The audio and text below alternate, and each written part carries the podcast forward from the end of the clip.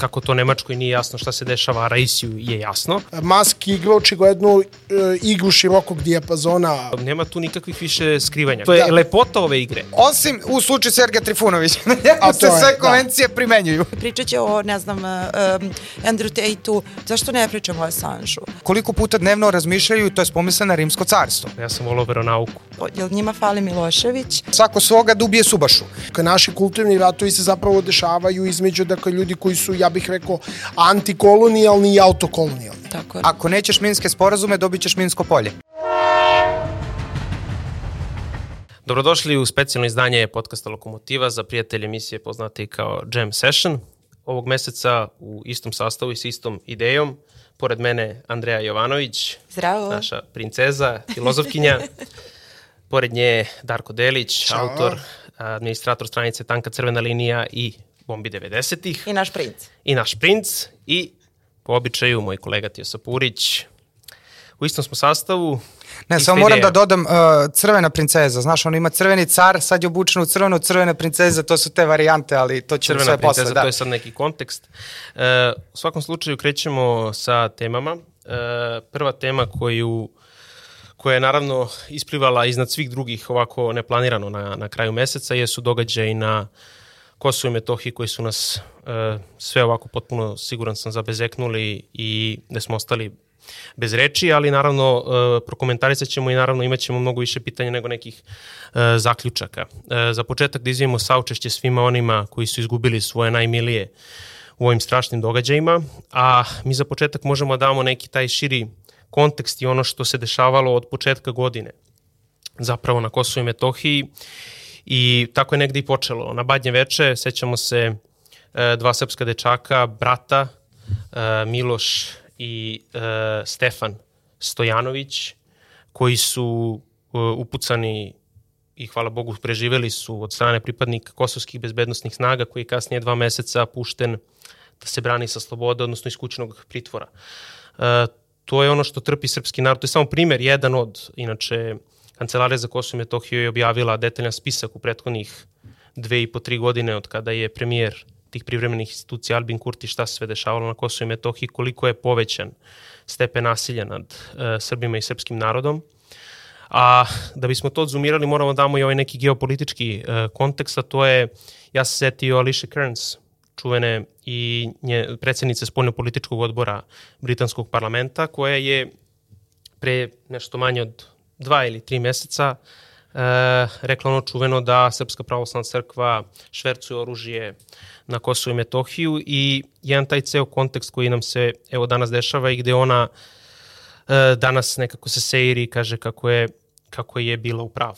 E, svakako ovo možemo samo sagledamo kao nešto što srpski narod trpi godinama i e, ne znamo koliko će trpeti, šta će se tu sve dogoditi i ima žrtava, ne znamo koliko ih je, zato smo i rekli svima onima koji su izgubili najmilije i očekujemo naravno informacije o tome šta se zapravo desilo. E, to, je, to je negde za početak, naravno očekujem i od vas da, da, da više da se nekako zapitamo i da pružimo podršku tom našem dole narodu, jer je nakon svih ovih dešavanja pokrenuta ta specijalna operacija, tako nazvana od strane uh, kosovskih bezbednostnih snaga na e, četiri opštine na severu Kosova, koja se ne zna kako će se završiti i kada će se završiti. I ne I ko, znamo šta će implicirati. Koga jure zapravo. I, koga I upravo to. I šta će sve prouzrokovati ta akcija, jer je sad poslednji poziv bio da ipak te snage KFOR-a i Euleksa preuzmu tu akciju, a za sad ne znamo ošte kako će se to završiti ako to zaista pripadne potpuno u ruke ovih snaga koje uh, smo čuli našeg predsednika što rekao nemaju uopšte milosti prema i onima e, srpskom narodu i kako će se uopšte iskoristiti i ova cela stvar i kako bumerang efektu mi sad ovde pričamo. Eto, toliko ovaj, za neki uvod, a naravno ima mnogo upravo pitanja o tome konteksta, od toga e, kakve, kakve narative primamo i čije i kako ćemo prihvatiti sve ovo što je najvažnije, kako će srpski narod e, nastaviti da dole živi pod svim ovim okolnostima. E, ja bi se tu pre svega nadovezao na ono što smo ja i ti neformalno zaključili pre emisije dok su stizale informacije ili poluinformacije, ono što je nama najvažnije, mislim, kao ljudima koji imamo ovaj, određeno mišljenje i skupili smo se u ovom sastavu da bi to određeno mišljenje promovisali, da a, a, pre svega što se može uočiti sa generalno srpske strane celokupne jeste da odsustvuje godinama unazad jedan jedinstven narativ o Kosovu koji bi bio van onoga što se nama servira van zapadnih obaveštenih kuhinja. Znači, hrapantan je odsustvo tog narativa u smislu toga da a, a, a, patriotska strana mora da ima manje ili više jedinstvenu ideološku interpretaciju toga, to je barem po mom mišljenju, a to je da pre svega se tamo odigrava jedan postupak već, dakle sad možemo kažemo decenijama, a, potpune e, kolonijalne dominacije i ne treba ovo vaditi van tog konteksta, dakle u pitanju je sistematsko napinjanje i zabranjivanje Srbima da se na bilo koji način politički organizuju. To je sa jedne strane i sa druge strane čak i na, dakle došli smo do te tačke da Srpska pravoslavna crkva koja je živjela, dakle izolovana, čuvana žicama i transporterima strane vojske pritom, a, a, je doživjela da bude optužena za to da je kriminalna organizacija. A, do toga nisu išli toliko daleko ranije, sad već imamo i to i ova, ova, ova dešavanja bi kao to očigledno tako se pakuju da bi to trebalo da potvrde. A, to su jako loši znakovi, prosto nije išlo ovako daleko pre, iako mi pamtimo različite medijske pokušaje ovako i starije i ranije, da se prosto Srbima i ovo malo tih nekoliko, koliko je ostao, 5-6 opština mi imamo tamo, ovaj, da se to ukine, da se raskomada, da se ovaj, uvede pod, pod o, ovaj, ostatak te takozvane države i da se ukine bilo kakav, bilo kakav oblik autonomije Srba tamo. Bojim se i religijskih organizacija, mislim, naše, naše crkve to je jako, mislim, opasno je. Definitivno, ovaj, bojim se da možemo da uđemo u jednu novu sekvencu dešavanja na kojoj nećemo moći da imamo adekvatan odgovor. Ovaj, tako sluti, zato što je to, na to verujem da ćemo se osvrnuti kasnije. Izgleda da je diktat geopolitički stvari takav, oni moraju negde da zategnu. Stvari ispadaju prosto iz šrafova na drugim frontovima i to se otvoreno manje više priznaje a, prosto Balkan ostaje njihova glavna okosnica. Unutar carstva. Unutar carstva i to, to pitanje se odnosi, to pitanje će se odnositi e, to su ove dve glavne goruće vele tačke, Republika Srpska i Kosovo. I povezuju se, evo ga... I vidimo da se to upravo da, sad da, da, povezuje. Da, da, da. Ali zanimljivo je to upravo u ovom kontekstu i Kurtija i svega drugog što se dešavalo tih prethodnih godina gde ajde u nekim i tim međunarodnim krugovima ipak on bi ocenjen kao neko ko je remetilac tog faktora i sad uh, svim ovim dešavanjima uh, i upravo tim narativom koji se koji i sa ratom u Ukrajini i svim drugim stvarima gde uh, Kurti definitivno pokušava da proizvede prosto određeni e, naboj u, u albanskom narodu da možda i, i pokrene takav neki nivo sukoba ili operacije što se možda upravo i dešava ili je početak toga da bi dobio međunarodnu negde podršku za to e, sad se upravo to negde e, poremetilo ka, ka njegovom tom nekom cilju, što je naravno opasno jako. Pa činjenica da, mislim, je sasvim jasno da ne postoji dovoljna informacija da bi se o ovom događaju govorilo kao o konkretnom izolovanom događaju i da, mislim, svako ko to pokušava na taj način da radi u nekom smislu laže možda i sebe, Uh, ali zato su ovi konteksti koji su i Marko i, Darko predstavili jako važni, ali uh, čini mi se da, da na nivou reakcija koje sada dolaze na sve ovo imamo prosto kod nas u našoj javnosti prosto neki ljudi koji deluju da su gotovo priželjkivali da se ovako nešto desi što bi kao trebalo opet da potvrdi e, ono što je bilo prilično teško da se tvrdi barem u posljednjih godinu dana to da su Srbi ti ultimativni agresori koji i dalje sad tamo e, terorišu očigledno sami sebe. Ovaj, e, i mislim postoji formulacija da je praktično da zbog ovoga ćemo izgubiti utakmicu koju smo dobijali u 89. minutu dobijali je tako što je Kurti šutirao golove na svoj gol sve vreme. Um, I mislim, to je sad jedan nivo toga, s druge strane opet uh, postoji zaista i taj nivo jedne potpuno e, činjenice da su nam stvari išle na ruku uprko s nama možda čak, mislim, u to jedno jako, jako malom prostoru cilja definisanog tako kako je definisan sad i nekako ideja da se zaštiti barem u nekom minimalnom smislu naše stanovništvo. Dakle, taj cilj nije ni po čemu veliki, ogromni, niti, dakle, onaj minimum minimuma koji je kao nam je nekako išao na ruku zbog ponašanja druge strane, pre svega, e, i iz perspektive velikog drugog, odnosno međunarodne zajednice koja je međunarodna antizajednica, koja je zapravo uh, atlantistički savezi raznorazni, da, da dakle sad to puca. I ja zaista nemam nikakvo, nikakvo objašnjenje sačekat ćemo, vidjet ćemo, ali da situacija grozna jeste i da su pojedine e, reakcije ovde kod nas još groznije jeste. Tako da ne znam šta bih rekla o Kosovu, ali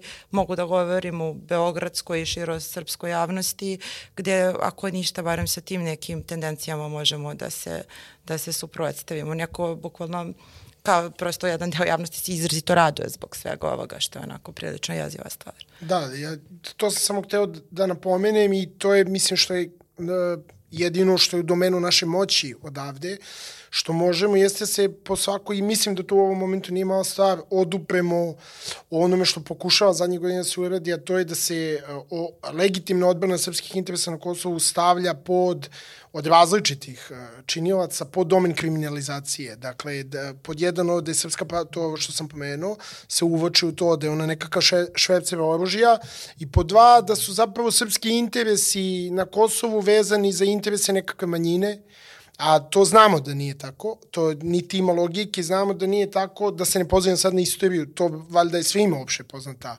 činjenica i čak da se ne pozivam na to da je to nama oteto zaista stvarnom intervencijom mimo svih međunarodnih pravila. Tužno je što mi živimo u situaciji jednoj u zemlji gde mi to moramo među svojim sugrađanima da, da pominjemo i da se konstantno to naglašava da se to konstantno pominje, da se to konstantno potencira, jer očigledno je ovaj drugi narativ, e, tip govora a, gde se zapravo a, a, odbrana srpskih interesa stavlja van zakona, toliko prisutna da je to stvarno počinje da biva zabrinjavajuće, ali... Uh, uh, Samo nije, izvini, ni srpskih slobodno. interesa, nego prava na život tih Srba. Ne, da, na, Svaka, naravno, svako pravo da, na život se na, dole da. e, oduzima i delegitimizuje kroz ove nasilne akte koje smo pričali zadnjih dve godine i gde prosto ljudi stvarno tamo koji se zapitaju pa čekajte da li mi stvarno ovde možemo da ostanemo. Znači to neće biti takav tip progona ko što je Naravno.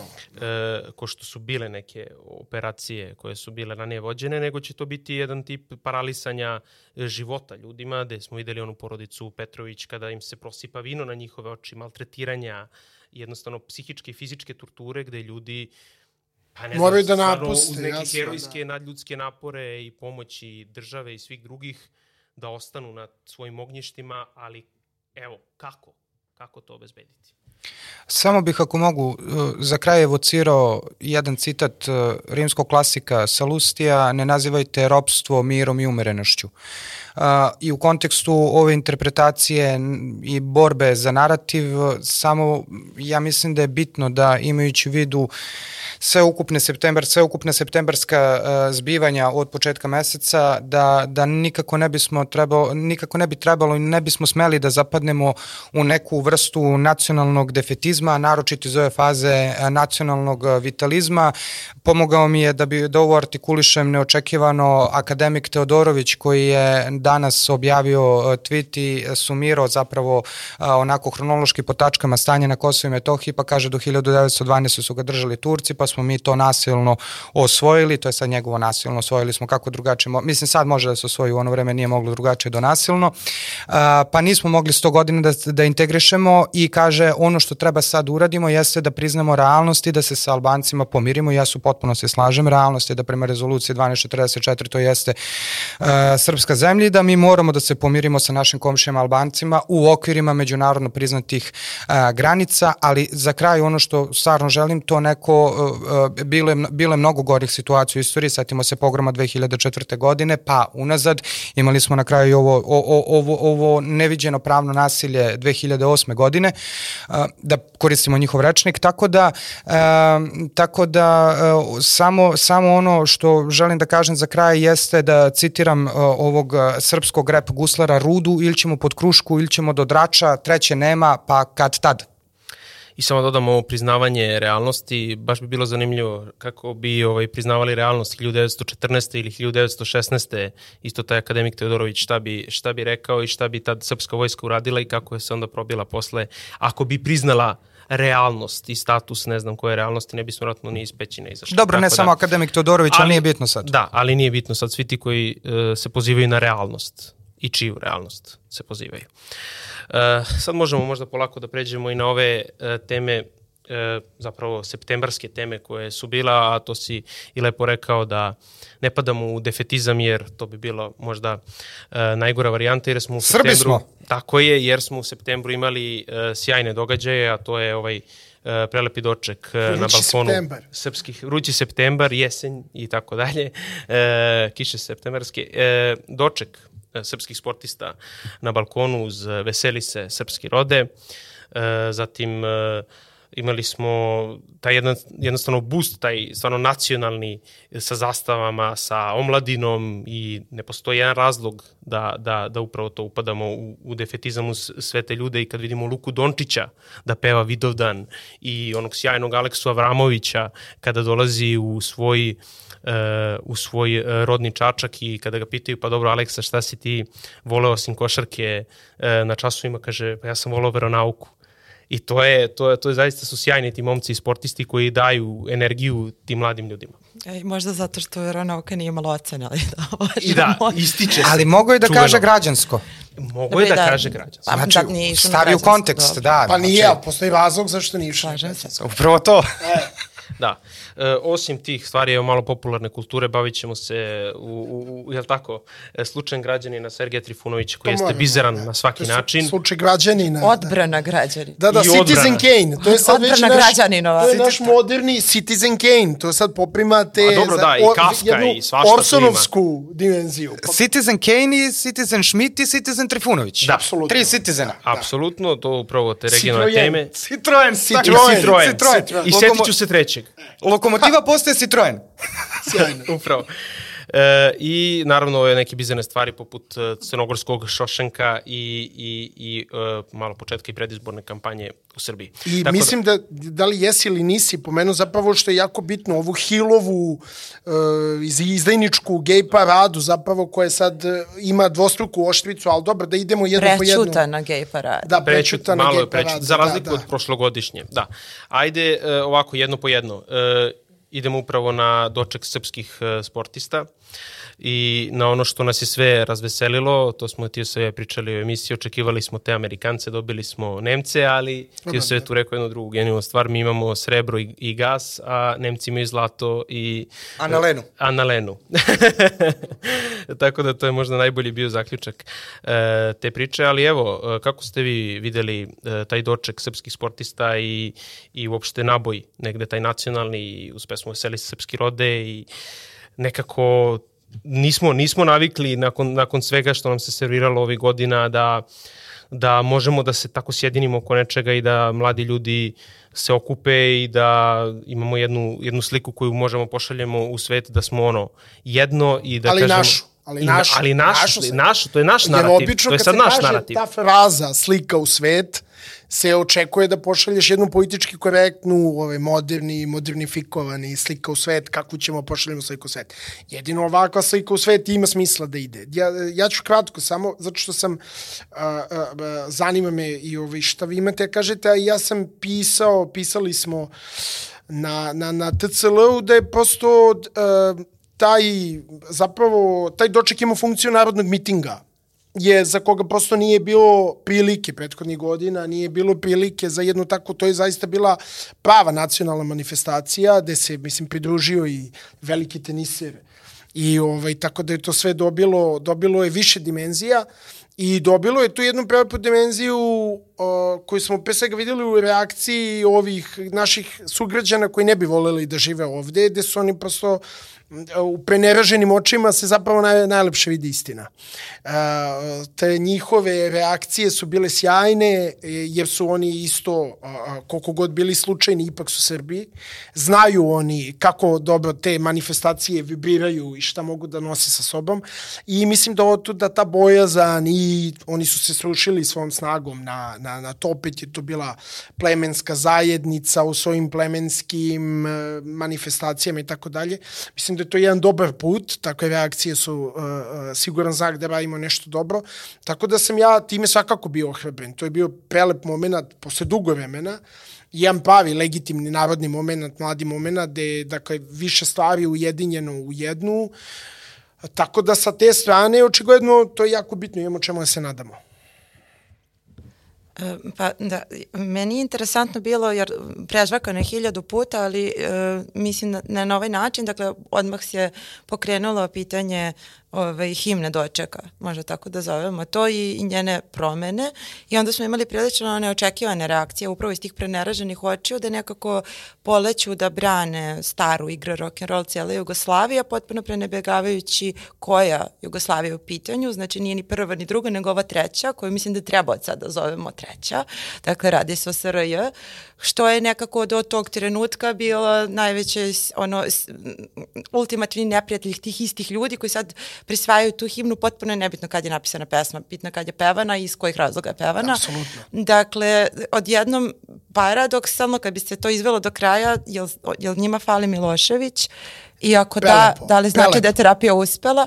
A sad, s druge strane, moram da kritikujem ovu drugu stranu ko pokušava da ovu možda daleko bližu nama, dakle, nacionalno euforičnu stranu, ko onda opet pokušava da uspostavi taj neki lažni diskontinuitet između te dve pesme, gde je konačno Jugoslavija postala Srbija, mi smo to što jesmo i potpuno oduzima veličanstvenost uh, E, pevanja baš te pesme 90-ih e, na mostovima kad nas bombarduju, na dočecima, na, dakle, dok se oko nas u tom trutku zaista sve ispravlja i savija kao što se i danas sve ispravlja i savija. E, dakle, ja bih ovde za kontinuitet. Obe himne su nam bile potrebne, adekvatne situacijama u kojima smo bili, tako da nekako jedna i druga kritika i napade, ovi koji žale i ovi koji se raduju, mi prihvatamo obe. Mislim Samo da je to jako važno. Onda, apsolutno, to je stvarno genijalno za zapažanje i samo očigledno da ćemo u tom smislu, baš ovo što si pomenula, da li je terapija uspela ili nije, morati početi, jer radimo serijal SRJ za početnike. da, dakle, ne SFRJ za početnike, ne. Tako. Dakle, treća Jugoslavija, jedina prava borbena Jugoslavija, SRJ za Iako početnike. Iako je kratko trajala. Ali slatko. Ali slatko. Jer sve oko nje se ispravlja i savija. Ali stvarno, jer kad krečite, krečite. Ali, stvarno, ali... Uh, ja moram da se ne složim sa Andreom. Uh, ja mislim da je nažalost tek uh, to smo negde pričali u emisiji, ta igra rock and roll cela Jugoslavija, pored toga što je bila himna Miloševićeve epohije, zapravo a, pevano u jednom kontekstu realne antiimperialne borbe, teta tet, glava na glavu, na mostovima, sve. Veseli se srpski rode, apropo ovoga što sam već a, rekao, ovaj, a, ne nazivojmo ropstvo mirom i umirenošću, tek treba da se dokaže kao himna borbenih generacija, mi jesmo rezilijentni, sve to stoji, ali a, setimo se konteksta a, veseli li se srpski rode je poteklo iz Crne Gore gde i dan danas nažalost NATO je taj koji postavlja na kraju krajeva. Niko drugi nije mogao da da garancije mitropolitu Joanikiju i patrijarhu Porfiriju da dođu na Cetinje nego je morao avion vojske NATO pakta Crne Gore koja je članica NATO pakta da ih vozi na Cetinje. Jedino je tako mogle, su mogle da se daju garancije da oni neće ostaviti glavu tamo. Tako da počeš znači od tog rodnog mesta te pesme pa možemo sad da idemo da širimo dalje dakle jesmo rezilijentni, ali da se ne bismo čisto, da se ne bismo smo mi sad uljuljkali pa da kažemo je super, ovo je to, to sad mi imamo isto to. Ne, nemamo tek je na nama vreme da pokažemo i dokažemo da, da, da, i, da, i da ta pesma kod nekih narednih generacija onda zaživi i da je jednostavno kontekst da za pravo kao što je u ovoj pesmi dato za pravo. Mi sad ćeš na potpuno drugu stranu da, da odeš, da, da, da, da. a ti si dao gašćinu, da se ok, kaže, potpuno se slažem. Ne, ali, ali budimo realni, mislim, potpuno pogledimo samo istorijske okolnosti. Isključuje jedno drugo i da. prvo drugo. Evo ti, I treće, sedmo. Ja, moja, sa, da, moja nada da će to jednog dana postati to. Idu u tom Ali pravcu, što da je ne rekao mera, Darko, pa ali vidjet jeste ćemo. Ne, ne, kontinuitet, e, to nije isto, ali jeste kontinuitet. Slažemo se. Idemo Da, u da, pravom da, da. smeru. I Andreja Danica se slaže sa tvojim neslaganjem. Ne, ne, pa ne, ne, slažem se da jeste kontinuitet na tragu, na tragu onoga što se želi iskazati tom pesmom, to svakako, ali ovaj bitni kontinuitet još uvek, nažalost, Da ne, ostane postoji. samo folklorni kontinuitet, nego i O, ovaj ako pričamo-. Praktični. Praktični Ako pričamo o vertikali srpske epike, jer sad igra rock and roll može, može da uđe u tu vertikalu srpske epike, ono, kako beše kažu u početku bune protiv Dahija svako svoga da ubije Subašu. Zna, e, to je ta vertikala koja je ipak tu utkana, tu je u, ovaj, u našim strunama. Šta imamo dalje? Šta je dalje? Kaže, E, gasi. Aj sad kad sam ušao u Da, fazon. šta imamo dalje? Citroenu daj. sam. E, dalje imamo slučaj bizarni e, građanina Sergeja Trifunovića u, u Hrvatskoj i potpuno je bio u čudu kako to njemu može da se desi, pa onda je ušao u onu svoju, e, kako kaže, flamboyantnu e, svoju žovijalnu. verziju, i žovijalnu verziju sebe, e, kada, kada i se susreo sa, sa hrvatskim policajcima koji ne daju njegovom psu e, Miletu, jel tako da... Svetozaru. E, a pas je uvek A Svetozar. pas je uvijek Svetozar. tako Ali, da, da. ali, ali da, ne daju njegovom psu Miletu da bude e, na plaži, jer u toj državi moraju da se poštuju zakoni. To je sad super. A on se zalaže za tu istu stvar ovde, ali tamo želi da... Ne, to je sjajno. On želi dve odvojene verzije sebe u dve odvojene države. I on ima dve verzije sebe. Njega je ovo potpuno podvojilo. Znači, građanin Trifunović, ako ovo bude preživeo, onda može sve. Dakle, njega je ovo potpuno prespojilo. Ja sam očekivao ovakve reakcije, ali ne ovako. Će ga prespojiti na Blajburg, na crvene uniforme, za crvene, crne, Francetića, sve mu se pomešalo. Ne, ne, upao je u tu flamboyantnu, f- flamboyant fazu. Gde on sad ne I zna da- na koju poziciju tačno stane, kako vi sad meni ne date ali, ali ovde. najbizarnije je što je njemu sad stvarno zabranjen ulazak u sve zemlje Evropske unije. Prelepo, prelepo. A nije u sve. Jeste. Kako nije? U sve. U sve plus I- ove tri koje I nisu sad šta u te EU. tri? Čekaj, šta te, a te tri One nisu nisu u u EU, EU, da, da nismo kačali. zone. Ali i tu. Da. Tako će morati sve svoje boje da ovde Tako u da Srbiji... građanin Trifunović mora da odluči, vrlo brzo da odluči na čijoj strani. I to je to. I to je, jeste lepota ovog momenta gde zapravo istina tog sistema isplivava na videlo tim ljudima. Kakav je to zapravo sistem i kako funkcioniše. I ne samo to, to i, i postoji ova lična pouka, ne može tek tako neko individualno da bude otpadnik od sudbine ostatka naroda. Samo dakle, jedna malo ozbiljna napomena, skandalozno mi je, skandalozno i tužno, s obzirom na sve ovo što pričamo u okviru, kako smo počeli emisiju, da se neko trgne u odnosu na istoriju tek kad se njemu lično nešto ovako desi. A nešto po toj Hrvatskoj treba da vozi stotinama kilometara a, pa, gde su se dešavala i svakakve stvari i pripadnicima njegovog Pričao naroda. je on u jednom podcastu da je njemu, ne znam koliko njegovih u porodici stradalo u Jasenovcu, ali Ne, eto. to je, Ali to je gore. sad taj moment. Pa na to Da. mislim, to je sad, da, taj moment. Ali Tako bio je da, potreban Mile. Bio je potreban Mile, jer zaista... Da bi je Sergej postao građanin. I građanin Srbije, ali Građanin ne, Srbije. ali da bi postao građanin Srbije, da bi osvestio Srbinu u sebi, to je očigledno morao krene preko psa. I to su paradoksi vremena u kome mi živimo. A ove, E sad treba da ode kod, da odvede Mileta kod drugog Mileta u Republiku Srpsku i da oseti prave vetrove oseti. slobode, da se nadišao i svežeg vazduha. ta- e, Svežeg da, vazduha Evroazije. Evroazije, tako je. Tako je, i da tu, i da tu spozna šta je prava sloboda. Meni je tu e, bilo negde interesantno mo, i očekivano doneka, ali opet je dalje interesantno što ga niko njegov nije branio. Jer već je autoritet e, Hrvatska našim slučajnim Srbima, čak i od Sergeja koji je nekad njihov, nekad nije. Mislim, on je previše nekontrolabilan. zavisi E, od žovijalnosti.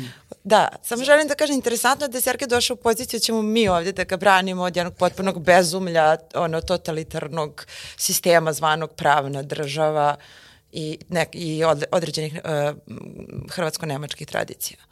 Ali moram da spomenem kad si već to rekla, slažem se, ali e, to je kad već e, ovaj, koristimo kao copywritera i ti si spomenula e, našeg prijatelja Tanasića u prethodnoj emisiji, genijalnu stvar je imao, kaže, e, treba pustiti zapravo sve ove, ja ne znam ni kako da ih nazovem, te građaniste, ajde drugosrbijance, šta god, svi oni zapravo treba, ne treba nacionalisti da kukaju što oni idu u Hrvatsku na more, sve ih treba Tako slati je. u Hrvatsku na more, treba im plaćati, ono da se otvori neki račun, da svi mi uplaćujemo od maja do juna. SMS na otvore- 30-30. To, Da se S- uplaćuje. e- e- SMS na 30-30. SMS e, mo, mogo bi da bude na 10.4.4.1. Znači, taman imamo datum proglašenja NDH i da se, na primjer, na, to, na taj broj da se šalju uplate, svima da idu tamo na letovanje i onda da tamo se suoče s onim za što se zalažu pravne vrednosti, Evropska država, Nirobirški zakon, ups, neću dalje.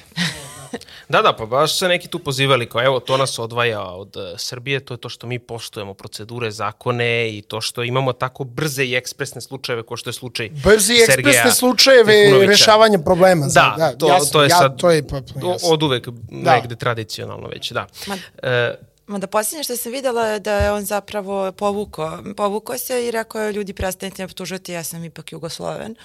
Pa se nadam da ne misli na ovu treću Jugoslaviju. ne, evo, A zamisli da mislio na prvu. Ne, ne, Pevo je, pevo je u predizbornoj kampanji nad kraljevom Živa Vatra Seva sa pokojnom Srbijan Kuturelić, tako da je možda zapravo on garda, on, da, da, da, tako da je on možda zapravo sad gardista. Da, ispričaj si cijelu situaciju, molim te se Ja Srbijankino nisam odgovor. upoznat. nisi upoznat. Da su pevali. Da, a a, ne, na, dok je bio aktuelan a, pokojni, nije pokojni, dalje živi pokret slobodnih građana. Jeste, živ je. Nije. A, PSG. živ je, živ je. Vaskrsao je. Da, da, PSG. Vaskrsao je. PSG, da, on je bio PSG. predsednik, Tako je. Ta, ko? Pa bio je tada u to vreme A da, da, predsednik pokreta. Sergej Trifunović je bio, uh, građanin Trifoje, Citizen Trifoje je bio Citizen tad predsednik. Klasičan si ti za to. Trifo, Trifo, tako je, bio je predsednik pokreta i onda je u superfinalu kampanje uh, Sergej uh, odlučio da malo uzdrma tu, Žovijalno, žo- žovijalno, žovijalno. I, i još više flamboyantno uzdrma tu ovaj uh, žabokrečinu uh, te uh, pozicije Da i preuzme ulogu ovaj, tako je, tako je, da, kraljevog da se malo da se Jasno, malo spusti sve jasno. ovo dole što je isplivalo na površinu i da isplivaju maske Jasno. i onda se dešava sledeća stvar. U pozadini u nekoj kafani je okupljen ceo direktorijum a, pokreta slobodnih a, a, građana i svira živa vatra nad kraljevom živa vatra seva, nema Sime, nema ni Deroka, to su draže dva najbolja momka i tako dalje. I on sad ide i pita ove, a šta kažete, vi ste partija levog centra, a šta kažete, vi ste građanska stranka, a ovi članovi direktorijuma, namerno Jakobinci, članovi direktorijuma, je li tako, ovaj kažu da, da, jesmo, kako nismo. I onda Saint-Germain- Saint-Germainovci, tako je. A možda, a, a još malo pa će biti Sankiloti ako im ne pošaljemo ovo na 10, Ne, o, to je 4, sjajno. 4, 1. Ova Ali ne, i onda prilazi pokojni Srbijanko i Turelić koja peva i kaže, pa meni je stric bio kod dražu u štabu. To- to je I to. tu A se to sve, sve- i tu se sve svega. lomi. Tu se Da, sve lomi, tu apsolutno da. puca po, po sredini mermerne ploče. Ali zato to je Sergej, evo, to je otkrio sad u, i u Hrvatskoj i okus je to, a tu nam je otkrio u kafani ko je zapravo čiji. Ne, ne, u Da. njemu svakako nešto tinja ispod površine, samo treba da vidimo da li... da Neka li, živa vatra se. Neka živa Neka vatra. živa vatra. Apsolutno, da li će se Samo, to... on treba zapravo da ode u Kraljevo. I da se sve, to je kao ono u Indiana Jonesu kad staviš artefakt na pravo mesto, u ležište. I onda se otključuju neke nove stvari. Pazi, sad nema mnogo gdje da putuje, u tom kontekstu da, pravo je Sad- vreme za da, bila pa za kraljeva. koristi ovih godinu dana za duhovnu potragu. Tako je. Zaista. Sergej, mi te branimo. Da ostane Sergej tako. Mit, da. Iako to možda tako ne izgleda. Da. Iako A tako bila bi izgleda. fora sad, pošto je on da kaže, brani mi ja vas. Nema Brani veze. mi ja vas. Tako Pošto je. je ušao treći Jugoslavije mod, ali nema veze. Tako je. E, hoćemo sad da pređemo polako na... e, Ma, idemo dalje. Imamo na- gej paradu. na gej Imamo film Imamo- Parada, imamo. ali čekaj, Imamo, da, imamo, film imamo. Parada. Evo ga, nastavlja se sve u, toj, u tom vozu lokomotive. Tako je, prošle godine kada smo mi nešto komentarisali u tu septembru paradu, to je bio ona, ona nedelja kada smo imali u istoj nedelji promociju oficira, ono ne kolino nevreme, formulu i gej paradu, sve to bilo u To je istom. sjajno bilo. To je To- predivan u dan jednom bio, to je danu. bila Srbija u malom taj dan, sumirano zadnjih 30, sjajno. Da, Sad, tako je. Zadnjih tri decenije u jednom danu zaista je bio Serbian overdrive težak i ovaj, to se jedva preživelo, stvarno. Da, e sad ovo je to, malo prošlo onako u senci svih nekih e, drugih događaja, ali e, zato što je prošle godine to bio i ne, ono, e, evropski centar, jel tako? Beograd je nešto... Ima vladu u senci i ima paradu u senci. Ima parada u senci, tako je. I o, ove godine e, se to održalo, manifestacije sad u septembru i posle toga čini mi se su naši trofejni sportisti došli, tako da je to sve nekako ostalo e, van priče, ali, e, ali se održalo i zanimljivo je naravno predvodio američki ambasador e, Christopher Hill. Sve logično. Beograd, zanimljivo je bio ta, taj dan prošle godine i svi smo bili ponosni na njega, ali ove godine baš zato što je inače ova parada proglašena od strane organizatora i posjetilaca za najuspešniju do sada, e, to je upravo to ostalo potpuno nevidljivo, možda i to jeste cilj, e, da je takođe Stealth. ostalo nevidljivo da se, u- da se ovaj, u Beogradu 2023. desilo da smo prvi put imali američko-rusku gej paradu, na kojoj je evidentno najmanje verovatno bilo Srba i ostalih pripadnika naše, naše zemlje. E, dakle, imali smo paradu na kojoj je bilo naravno e, e, str, e, dakle, stranih predstavnika kolonije imperije, domaćih izdajnika, e, Stranih izdajnika. stranih izdajnika, neki sa decom, dosta straight ljudi, potom e, e, ruskih i ukrajinskih dezertera, do duše više ruskih, koji su ovaj, došli e, po prvi put na paradu, jer Beograd je slobodan grad. Beograd je svet. Zaboravljaš prvu krunsku parolu od koje sve počelo Beograd je svet. I verovatno je tu bilo u velikoj manjini, pošto su manjina i pripadnika uh, G populacije. Nađe se po neki. U ITD populacije, tako da mislim da je to, to je bilo izrazito i oni su to proglasili najuspešnijom paradom, tako da im ne bi ovih kvarila, kvarila to, ali eto, da ovo, ako smo imali Euro Pride prošle godine, sad smo imali Amero-Ruski Pride. Ne, Dezerterski Pride. Kazablanka, hoćeš reći. Da. Interesantan je, mislim, interesantan je i tu bio manevar, ovaj, e, pošto Beograd trpi navalu ogromnu ovi ljudi koji beže od rata, jel te da je zapravo taj skup iskorišćen zapravo kao rezervni manevar svih tih ljudi za celu tu agendu koja je kao antiratna, zapravo nije ništa antiratna nego antiruska. I ovaj zapravo je najuspešniji bio zbog toga što je najviše akumulirao, zbog dve stvari je verovatno proglašen najuspešniji, zato što je uspešno akumulirao celu tu dijasporu, ovaj, koji je do, mislim, specifičnog i klasnog materijalnog stanja i ideološkog ovaj, opredeljenja i zato što je, ja bih rekao, ustoličila Kristofera Hila kao poremenog gradonačelnika Beograda već drugi put. Ovaj, se on jako uspešno pojavljuje kao zaista šef parade gde je zapravo to najmanje... Šerif ima, parade. Šerif parade, gde zaista to ima najmanje veze sa bilo kakvim pravama, bilo koje zajednice i na, pre svega najviše ima veze sa jednom ovaj, njihovom specifičnom ovaj, ideologijom globalne dominacije, gde on zapravo ne može uh, država Srbija ništa da učini, barem ne još uvijek po tom pitanju. To su jedne tako specifične situacije gde s vremena na vreme zataji dijapazon ovaj, naše pravne države. Tako da ovaj, to je interesantno se primeti. Da, ne, ne znam šta bih dodao posle ovog vašeg. Ja mislim da, da to se sla... A ne znam da li je cilj zapravo da bude. Ja mislim da je zapravo naš veliki uspeh to što je prošla neopaženo.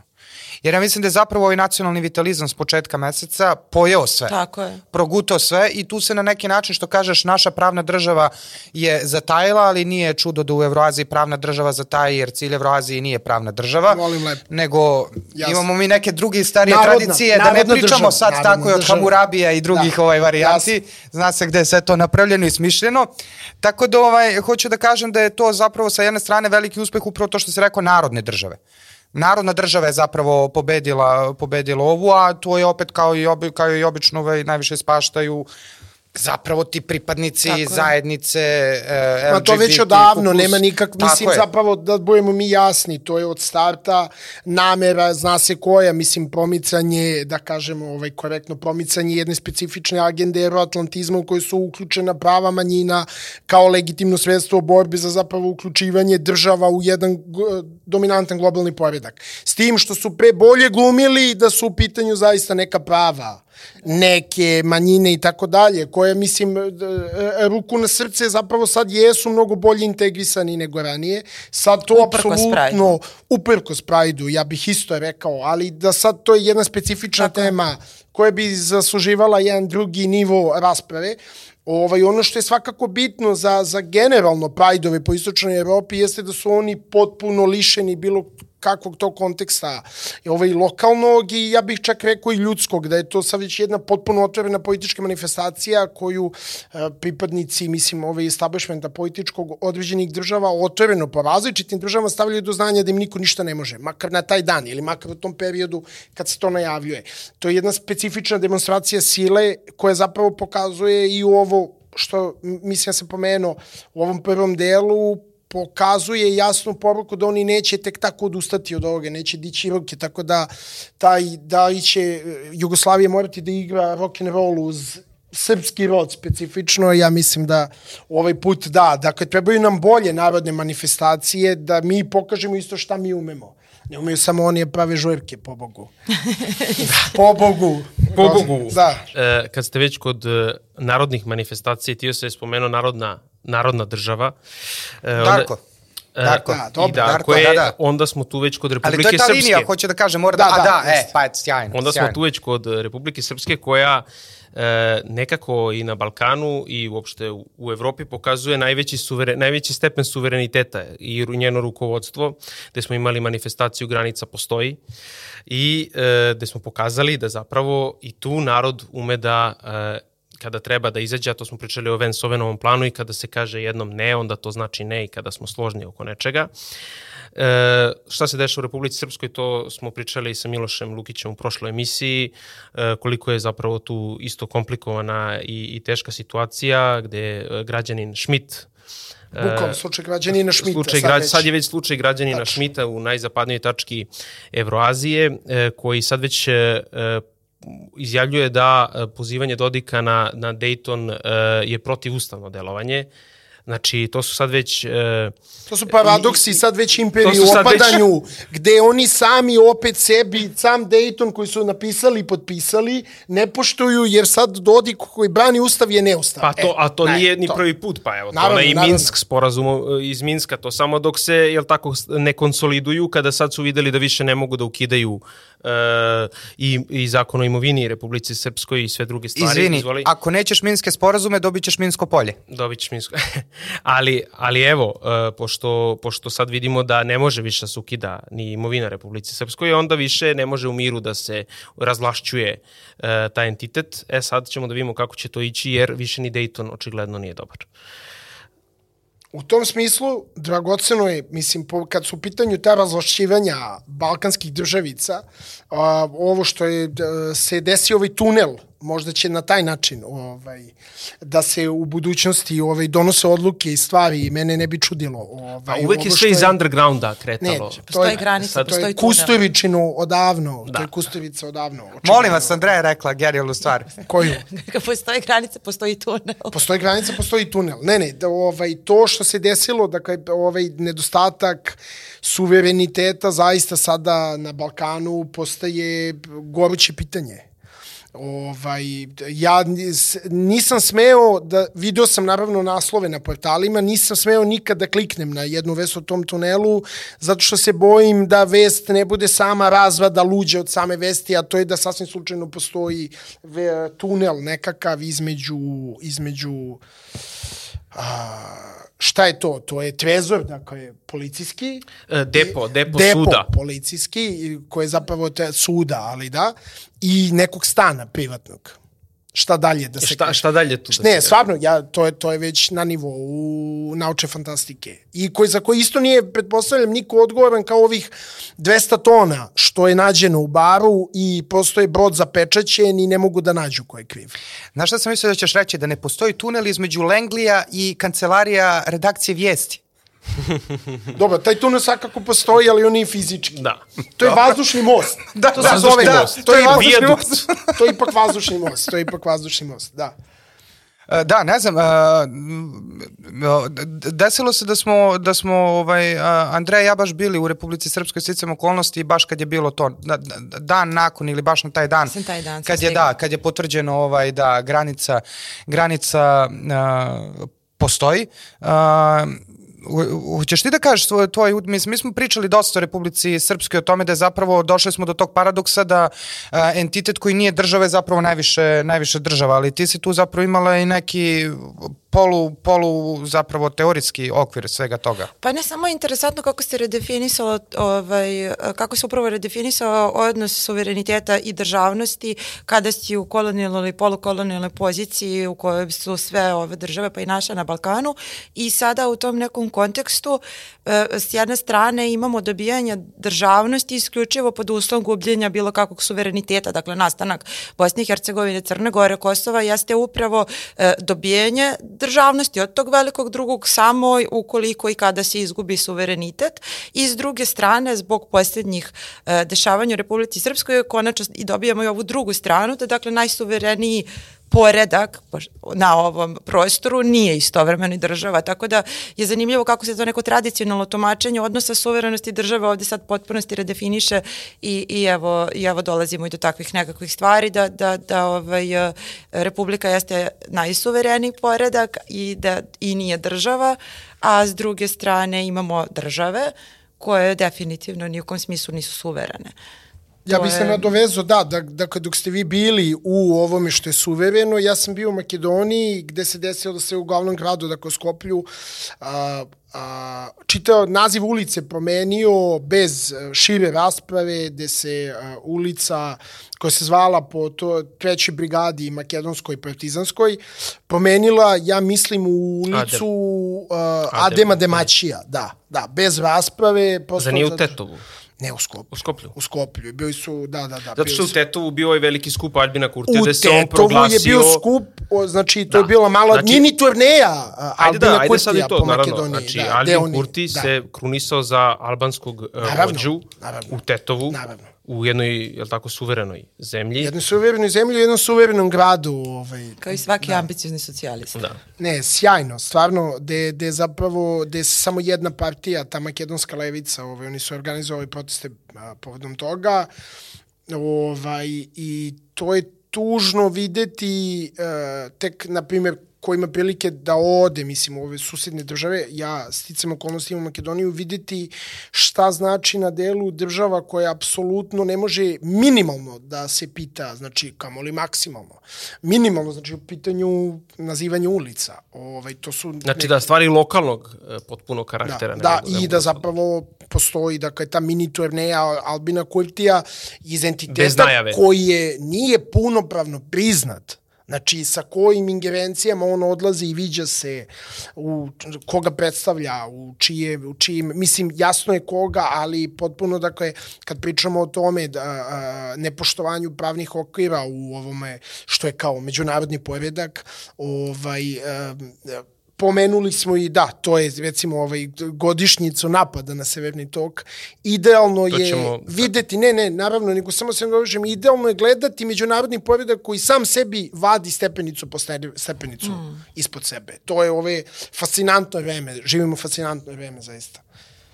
Mislim, na nje nekako Kurti nekako zaista uspeo da bude najbizarnija pojava u, u doba kad je svašta bizarno d- i ta rečenica koja je nekdo ostala u glavi, e, ba, baš me briga šta kaže Europska unija i Amerika koja su ova suverena država. Dakle, prosto ta jedna ono, primordijalni primer oksimoronske rečenice, pošto samo oni to kažu, a njega briga šta oni kažu, ove što bi Generation Z rekao, on je potpuno delulu lik. Ja mislim, Alban Kulti delulu. Znači, najveće tekovine a, a, Vojislava Koštunice s, s- glede ovaj, a, afirmisanja srpske državnosti na Kosovo i Metohiju jesu usvez 2006. oslobađanje Albina Kurtija koji zapravo svojim delulu ponašanjem a, afirmiše da je ta tvorevina nepostojeća. Jel došao trenutak? Ovo je lukavstvo uma. Da, apsolutno. Čoveka ne interesuje šta misli Zapad, a samo se oslanja na taj Zapad. A Da. to je to je predivno. To je lukavstvo. Vojislava Koštunice. Da, da, to svakako. To je. I on što je, da, da bude Opet shodno potpuno unutar situacije, da budemo potpuno imanentni, najlepše od svega je što on o ovome neće biti obavešten. Tako je. Sjajno. E, e, znači, on o ovim sad nije. E, Što se kaže, imamo celu stvar. Imamo apsolutno celu imamo stvar. celu stvar. Da. I sad, eh, kad imamo celu stvar, možemo pređemo i na ove svetske teme. Jel tako? da. Darko, e, šta se dešava, ajde ti, ovaj, šta se dešava na frontu uh, sad za ovih Pa, mesec da. dana? U, pa ukratko, ja mislim da, da je ta stvar pred završetkom nekim sad svojim, da ne ulazimo u rokove, što bi rekli političari, nezahvalno je davati bilo kakve rokove u ovoj situaciji, a, ali ono što jeste jasno, jest, to se njima, mislim, sad se već otvoreno priča o ovaj, okončanju pomoći i a, Stvar je takva da industrijske zalihe Zapada nisu bile spremne za ovako veliki rat, ruski jesu i to je potpuno jasno zato što su Rusi imali već nekoliko ovakvih situacija iza sebe. Imali su revolucionarni rat, u ostalom revolucionarno iskustvo gde su se uopšte formirale ti nacrti ratne principa, ratne ekonomije, ratnog komunizma, koji je onda sprovođeno 41. 45. Čak ako su oni uspeli da takvu nacističku mašineriju uspeju u tim industrijskim logističkim nadigravanjima da nadigraju, što je jako bitno. Mislim, rat je pre svega industrijsko-logistička igra. To je ono što se dešava u pozadini i dešava se zarad toga u osnovom. Taj oružani sukob se dešava zarad tih stvari.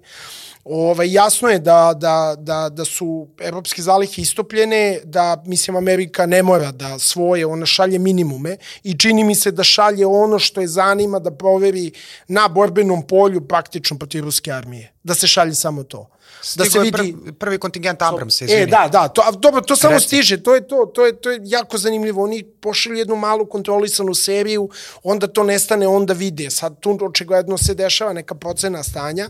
Evropa je za to vreme, mislim, potpuno, ja ne znam šta ti ljudi, tu ćemo da se nadovežemo na ovo što smo predavanje na kome smo ja i ti bili juče. Ovaj, Evropa je potpuno obezglavljena u tom bratu. Sad, e, e baš sam pisao juče na Telegram kanalu, mnogo zavisi od ove zime, da li će ona biti topla kao prethodna ili hladna. Ogromno je pitanje šta će oni sa rezervama energije, sa rezervama hrane, to više ne postoji. Ovaj, to je minimalno i neverovatno je da oni to sad smeju otvoreno govori svojim građanima. Mi smo stvarno u stanju jednog teškog paradoksa. Ja stvarno često puta pomislim da li moguće se ovo dešava, da li moguće su ovo realni političari, ali jeste. Oni otvoreno govori, mi nemamo sad, mi nemamo šta, dakle, a, njima čak oni kupuju od Azerbejdžana rusku struju, mislim i ruske energente i ruski gas, tako. posrednika, to se zna da otvoreno kupuju jer ne bi imali kako drugačije. Azerbejdžan je navodno povećao 20% izvoz, mislim, otkud Azerbejdžan? Rusi su u toliko moćnoj poziciji da mogu da povećavaju BDP drugih država ustupajući energente koje oni preprodaju. A mogu, nažalost, i teritoriju. Hoćeš da se dotaknemo kad se već na toj temi Arceha? Možemo, Možemo, mada sam ja mislio da prvo Ajde. odradimo oko ovog eh, zasedanja jedinih Pa da, ali evo kad si rekao već gubitak suvereniteta i Evropa obezglavljena godinu dana od uh, uništavanja Severnog toka i momenta kada definitivno uh, sve palo u vodu. Uh, a to je ta evropska, evropski ali suverenitet. Sve je postalo pepeo i ali dim. Da, ali da, od evropske industrije do toga da uh, nemački... Deindustrializacija. Politi potpuna deindustrializacija. Politika deindustrializacije. I da, da nemački da. političari mogu da kažu uh, u predizbornoj kampanji jedite manje mesa da biste našto, naškodili Rusima i Putinu. Ne, sjajno. E pa, ako to onda nije paradoks ovaj o kome isto ti si do sad pričao to, onda Ali dve stvari, drugo. izvini, molim te, samo za, uh, vrlo ću kratko, jer uh, pošto pričamo o borbi za, nar, uh, za narative i, i, i sve ostale stvari, uh, prvo, do dan danas, uh, ako se rade istraživanje u Velikoj Britaniji i Americi, generalno na zapadu koji pobedi u drugom svetskom ratu, reći će pobedila je Amerika, kada se dođe do momenta racionalizacije, kažu Amerikanci, kao što su i vadili sovjetskim veteranima, čekovni knjižice i kažu mi smo plaćali za taj rat, evo sad plaćate u Ukrajini, tako se ne dobijaju ratovi. Zna se kako se dobijaju ratovi. I druga stvar, ovo što si rekao za deindustrializaciju, pre nego što su doneli Maršalov plan, a, on, postoje je plan američki pojedinih kongresmena da se Nemačka deindustrializuje, nego nisu smeli to da rade zbog toga što su u Sovjeti imali plan za industrializaciju istočne Nemačke, pa bi onda, onda to bio... Ta pa ne može tako, ne može ta, a evo sad zapravo dovršavaju... Sad može. Sa, ta, pa sad, sad dovršavaju ono što je bio suštinski, znači deindustrializacija, desuverenizacija, geografski centralne zemlje ili centralnog prostora, middle Europe, centralne Evrope, sad na stranu kulturološke konotacije, nego samo ta ne, geopolitička. Ne, jasno, potpuno, Eto, toliko. Da. Dobro, hoćemo onda sad na ovo zasedanje Generalne skupštine Ujedinjenih nacija koje je bilo flamboyantno. Ja ne znam, jel smo završili priču Ali... o Severnom toku ili ćemo se početi? Nismo, pa sad se to vraćamo, nego sve, čisto ono, da. ekspozicije ovaj... Mislim da i dalje to ta tema, pa mi bolje sad da kažem, nego ako Naravno. krenemo sa ovom, otići ćemo Lokomotiva. Dakle, Od lokomotiva će otići na sledeću stanicu, kaži. Južno. Da. Ove, ovaj, pa ne, samo interesantno, Darko je pomenuo, juče smo bili na predavanju jednog Njemca uh, po imenu Heinz Tassen iz katoličke visoke škole u Severnoj Rajni. U svakom slučaju, ono što je tu bilo izrediti interesantno tema je bila BRICS i generalno promena geopolitičke situacije i stvaranje multipolarnog svijeta u kontekstu rata u Ukrajini bukvalno sam rekla A najmanje je imalo veze sa tim To je sjajno. I sad ono što je bilo izrazito interesantno sluša, slušati njegovu prostu perspektivu na sve to. E, ja sam očekivala mnogo gore, mislim da je Darko očekivao bolje, ali evo on će reći svoj utisak samo pre toga dok smo na temi Severnog toka. E, to je pomenuto. Pomenuto je između mnogo čega drugog, dakle, jedan konzervativni desni Nemac, gotovo pa Prus, je svesan toga da, ovaj, da, da i otvoreno kaže u centru Beograda, na naučnoj instituciji, da je to u pitanju bio teroristički akt od strane Amerike prema Nemačkoj i da oni ništa povodom toga nisu radili. Da I potom, pet minuta kasnije, dakle, nakon što je to tako obrazložio nama, ljutito, kaže da ukoliko se stvari nastave oko kako se nastave, on je jako protiv toga što Amerika konstantno razdvaja Rusiju i, i Nemačku jer se plaši tog saveza, što je sve tačno, dakle toga je svestan, ali on dolazi do toga da ako se ovako sve nastavi, on se boji da kroz neku godinu ove, može da se desi da Nemačka čak postane taoc Amerike. Sjajno. Ja. I sad, On se boji da... znači čovjek ima sve početne pretpostavke, ne ume da iz... Dakle, taj nivo, Ima sve pretpostavke, ali je malo pobrkan. Ne, nego taj nivo Malo prosto više. samozavaravanja, pre Da, svega, da, da, i nekakve baš. zarobljenosti u vremenu koje je prošlo, u vremenu koje nikad nije ni bilo u slučaju Nemačke, i uopšte te ideje, kao nesvesti na, da ne, ne samo, nije pojenta što su oni taoci, nego što imaju taj stokholmski sindrom na steroidima, pa čak i kad su kritički, uh, rade ovo. Dakle, da li oni zaista, dakle, on proglasi teroristički akt bez posledica na njegovu državu i onda tvrdi da je da živi u nečemu što nije na američka kolonija. Mislim, potpuno, da, to, to mi je bilo fascinantno, a to je najbolje što možemo da dobijemo iz E, da, četvrte znači, ekonomije sveta i njene sad- akademske scene. To Ja je sam ono mislio da ćeš reći, izvini, iz četvrtog rajha sveta. Pa, mo, i, E, e, to je to je dakle, Lukavstvo uma. e, i apsolutno lukavstvo uma opet na delu ja ja bih samo podcrtan dakle dakle ako je ovo na a ovaj čovjek nije bilo ko i u ovaj to su to je onaj deo nemačke vladajuće klase koji pritom potpuno skrajnut u ovome što je sada Amerika zamislila naravno da SDU i zeleni jesu perjanici jedne ratne politike sad dolazimo u jednu situaciju gde zapravo stanoviti industrijalci i hrišćanski desničari katolici iz Nemačke dakle što je bio stožer a, a, jedne za- zapadne imperijalne politike, ja bih čak rekao i pre 45. ali dobro, ovaj, a, a, plediraju na mir, na, dakle na mir, na stabilnost, na poštovanje međunarodnih ugovora, na sve, s tim, s tim to malom omaškom što on apsolutno nema ideju kako bi se to sprovelo u svetu. Što zapravo pokazuje snagu i moć onoga što je Rusija uspela da uradi sa 24. februarom. Dakle, e, njegov ton i njegov stav, glas, ponašanje je bilo potpuno mirno, docilno, ne, mi sad vidimo, mi sad priznajemo, mi smo uvereni, trebali su da budu ranije uvereni, e sada, kada više to ne izgleda kako treba, i sada kad, e sada ajde da vidimo kako to možemo da priznamo. A čak i kad se trude kako da izgrade to novo i da priznaju, ti predlozi nisu bili najsjajniji, tako da da, tu si u pravu. Nisam Niti bio- najnoviji. Da. Vratimo se na bečki kod, na, nakratko samom Beču. Da, da. E, e, samo kaži, molim te, jer ne znam da su, znači, o, njegova ideja je da se vratimo svi na Bečki kongres.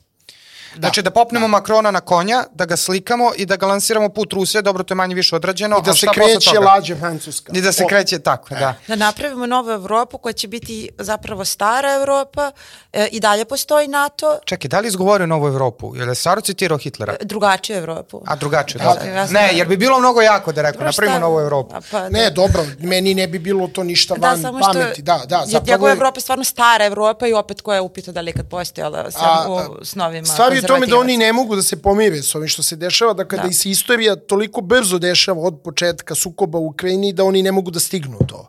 Dakle, stvari se toliko brzo menjaju da čak sad i kad oni hoće da se ukače na taj voz, da se opet pozovemo na lokomotivu, oni apsolutno nemaju ideju kako će to da se dogodi i ja sam prilično siguran da će taj, taj voz to odlučiti umjesto njih.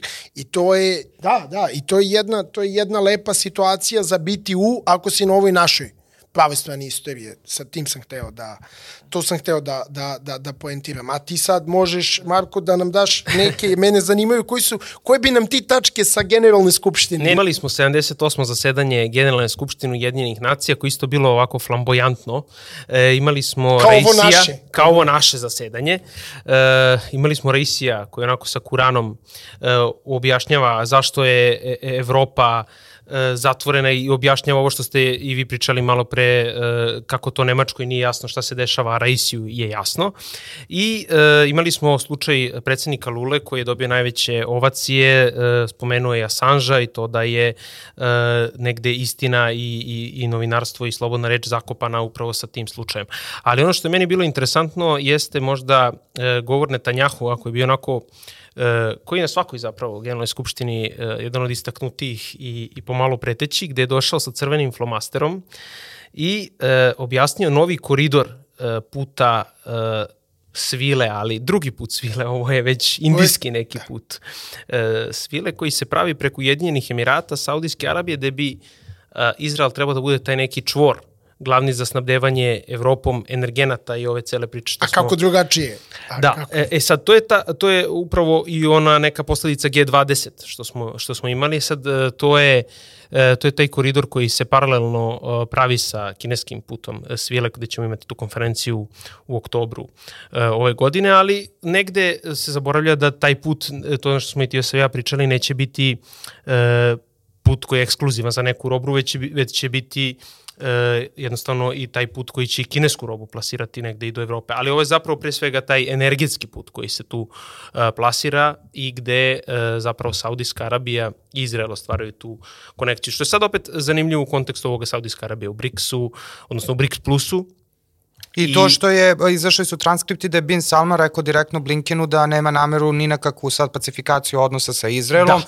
To su sad sve neke Ali- nove konstelacije, jeste, tako da... Jeste. A i ovo je sve deo, izvini, ovog e, međunarodnog koridora, to treba u tom kontekstu da se gleda, da pomenemo opet zbog toga što se bombarduje sa ovih zapadnih u borbi za narative, da je to zapravo neki uspeh zapadne, zapadne e, geopolitike, zapravo je to sve u sklopu ovog velikog međunarodnog koridora sever i jug koji ide, povezuje Moskvu sa New Delhijem i grana se, jedan od tih krakova ide na zapad do Bugarske. Ovaj, naravno nije stigao do Bugarske, stigao je kao što je Južni tok stigao, ali to je sad na, na, na, na dru- druga priča. Tako je. Uh, pored toga imamo naravno paralelno sa dešavanjima u, u, u Njujorku u Jedinjenim nacijama, imamo uh, s- u Nagorno Karabahu jednu zaista ovako napetu uh, situaciju gde se igraju upravo te velike igre, Turska, Aze- Azerbejdžan, Iran koji opet uh, se graniči sa, sa, sa Jermenijom i gde je jako bitan taj koridor i, i, i za Iran. Uh, tu, su, tu, su, tu su te igre gde se očekuje i zasedanje Skupštine jedinih nacija i zbog, zbog tog događaja. Uh, paralelno s tim zanimljivo je bilo i slučaj Ilona Maska koji je ovog meseca opet negde bio u žiži javnosti došao u posetu uh, Erdoganu, to, to je zanimljiv jedan uh, sastanak, ali dobro, nije prvi put da ti ljudi iz biznisa dolaze kod, veliki, kod predsednika. A verovatno. to je sjajno, pazi, Da. dolazi Musk od Erdogana. Elon Musk, ovo se zove epizoda Elon Musk otkriva nove kulture. Otkrivena je- Ali to, to baš jeste izgledalo i delovalo uh, kao otkrivanje novih kultura, uh, budući da je kao pravi babo Erdogan pitao Maska ni pet ni šest dete žena. I on kaže, žena mi je u LA-u. a, a kaže, a bila? pita ga ovaj, a mali, pošto Mask nosi klinca sve vreme sa sobom, ovaj, a mali kao pokaže, ja se brinem o njemu. Tako da se vidi da Erdogan nešto gleda sa strane, nije mu ništa jasno. Tu se vidi taj negde Sukob kulturološki, civilizacije. I kulturološki Erdogan jaz. upoznaje nove, dakle, civilizacije. Da, apsolutno. Ovo to je isto, da. Apsolutno, ali Elon Musk, ajde malo na njemu da se zadržimo. uh, Čovjek... Čekaj, molim te da, Da. Andreja nešto htjela ne, za, ne, za, za Ilona Maska i ovo, nisi. Ajde za Ilona I Muska. Erdogana. I Erdogana. Zašto me terate da komentariš? Ne, pa zato što... E, Mislim, ali on je mi nekako, to je taj vibe tog onog pijenog ujaka na svadbi, koji tako ide i pita ljudi. Ja to mnogo volim. Mislim, to su ti Turci u nama. Pa, i- i- Dobro, sad da. I mi, u- i mi, u I mi u njima. I mi u njima sad, znaš, imaš A i ima, to. ima šta da pita Ilona Masku, zanim, zanimljiva svakako. ličnost. E, I on je žovijalan jako. I on je žovjelan. I to je slučaj, ovo je slučaj zapravo građanina Maska. Da, Kako ne? Ovo imamo, da. Ček- Evo, to, to je čovek koji sad radi na ovim implantima u mozgu za ljude koji su nepokretni, koji pokušava da revitalizuje njihove delove mozga, dakle čovek koji se bavi veštačkom inteligencijom, koji se zalaže da to se ona e, ograniči kao i nuklearno oružje u svetu. E, on je neko ko, ajde, kontroliše sad celokupnu ono što je NASA nekada imala, to sada putem svojih Starlink satelita Musk e, apsolutno kontroliše i sletanje i poletanja e, i do meseca i uopšte 80% svih e, letova u svemir je nešto što se odigrava putem tih njegovih e, kompanija. Zanimljivo je kako je njemu je- dozvoljeno da, da, prosto Da. čovjek upravlja tolikim e, e, resursima i sad se naravno poteglo ovo pitanje gde je očigledno on e, zabranio upotrebu njegovih satelita pri e, pokušaju ukrajinskog napada na crnomorsku flotu, rusku crnomorsku flotu i e, gde negde on što je opet pomalo bizarno odlučuje o tome e, kad će dozvoliti satelitima da se koriste u određene ratne svrhe, a kad neće, gde on ispada taj neki nekad heroj, nekad antiheroj, čovek koji e, se zalaže za mir deklarativno koji kaže da, sećamo se njegovih izjava da se on zalagao da se održe e, upravo referendumi na tim teritorijama ukrajinskim je se kaže gde ljudi žele da, da budu i da se negde tako i okonča sukob, ali i neko ko javno barem kaže da je deklarativno pristalica demokratske stranke, iako se sećamo da je u vreme Trumpa jako često bio sa njim i na, i na ovim poligonima upravo sa raketama i tako dalje, ali čovjek koji svakako o biznisu i o marketingu zna mnogo, i neko ko bih rekao se sprema sa svojim velikim uticajem i bogatstvom, ali i, on, i popularnošću u Americi i naravno i za ove e, Twittera, odnosno sad mreže X koji stoji, da postane budući neki američki predsednik. Jer tako meni deluje, to nekako da. ide u ne, tom pravcu. Tako deluje svakako, zato što to je svakako bio trend uh, generalno ovaj, onoga što nam je doneo novi vašingtonski poredak i konsenzusa, to je ovo čemu, kada pričamo o smanjivanju suvereniteta, to je ovo isti taj primjer, samo slučajen na jednu malu individu, dakle to je transfer moći sa dakle, država i naroda u, u okvirima kompanije individua. Mislim da je primer toga što imaju Bezos i Musk, što su, mislim, budžeti veći nego dosta, mislim, države nekog srednjeg dometa, jako opasan trend i taj opasan trend nam je već stigu na vrata. To je već rezultovalo ovim vratom, dakle, taj sukob u multipolarnosti između istočnog i zapadnog principa se pre svega vodi na tom planu, dakle, ko treba da se pita u našim državama.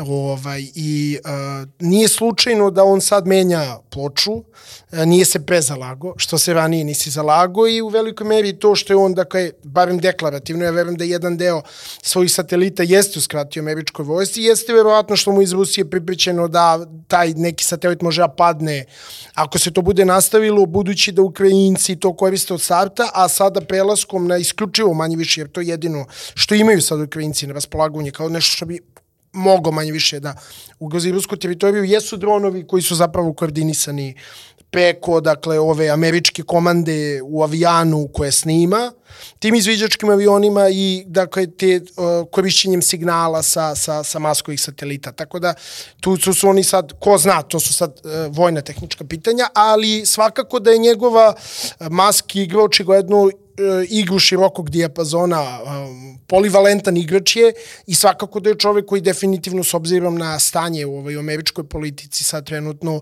da kad bi se kandidovao bi imao ozbiljne, ozbiljne šanse. Pogotovo što se priča, ta priča da je neki novi spasio čovečanstva.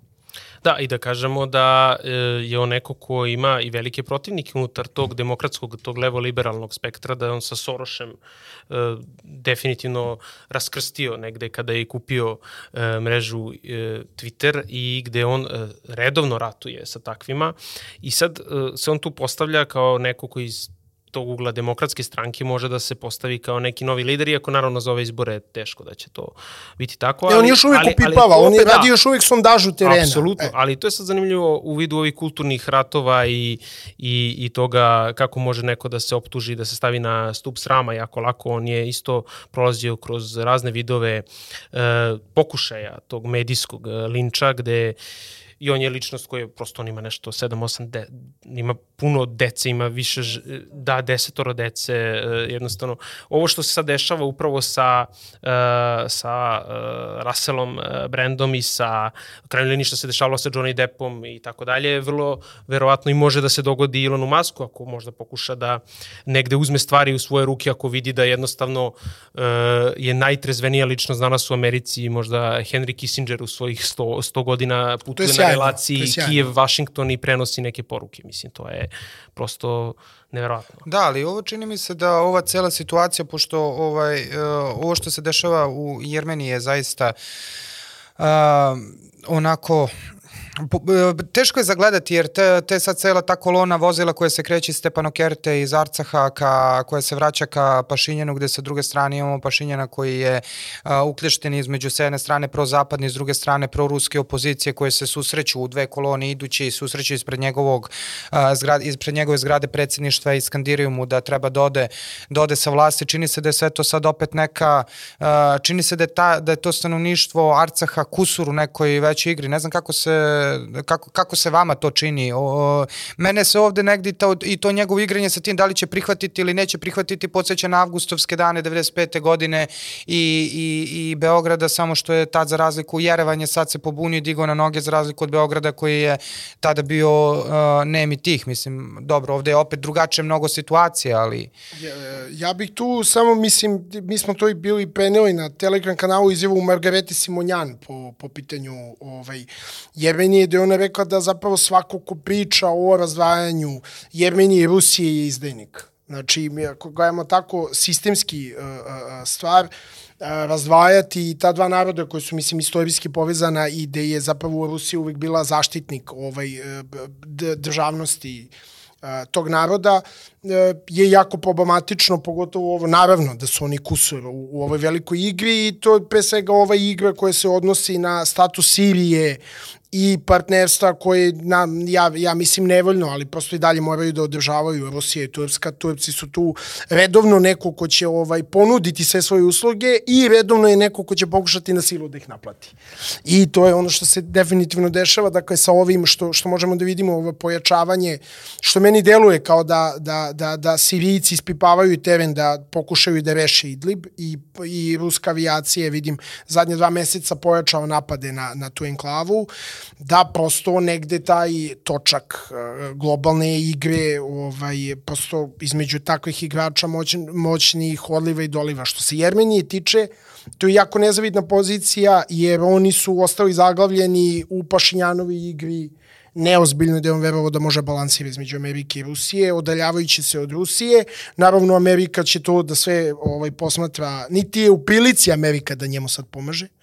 Tako da je to jedna jako nesvećna situacija za, za jermenski narod i za, za celu sad tu stvar. Oni će izgleda morati, ne verujem da su u stanju bez mešanja Rusije i Irana da, da, se, da se suprotstave, a de, de, deluje kao da se to mešanje neće desiti. Da, s tim što je meni bilo fascinantno da se sve ovo dešava u kontekstu vojnih vežbi između Jermenije i Sjedinjenih američkih država, gde na neki način zapravo Alijev lupa šamar Sjedinjenim američkim državama na jedan posredan, posredan, posredan način, jer je tu Naravno. SAD neko ko kaže, ok, vi ste sad u savezništvu s nama, imamo vojne vežbe sa vama, ne sme niko da vas dira, to je suština održavanja vojnih vežbi i onda se dešavaju ove stvari koje se dešavaju, to je ono slavno američko savezništvo koje je bolje da ti bude neprijatelj nego saveznik. Mislim, jedina, odnosno bolja bolja stvar. To jest jedina Čistija. gora stvar od toga da ti budu neprijatelji da ti budu saveznici.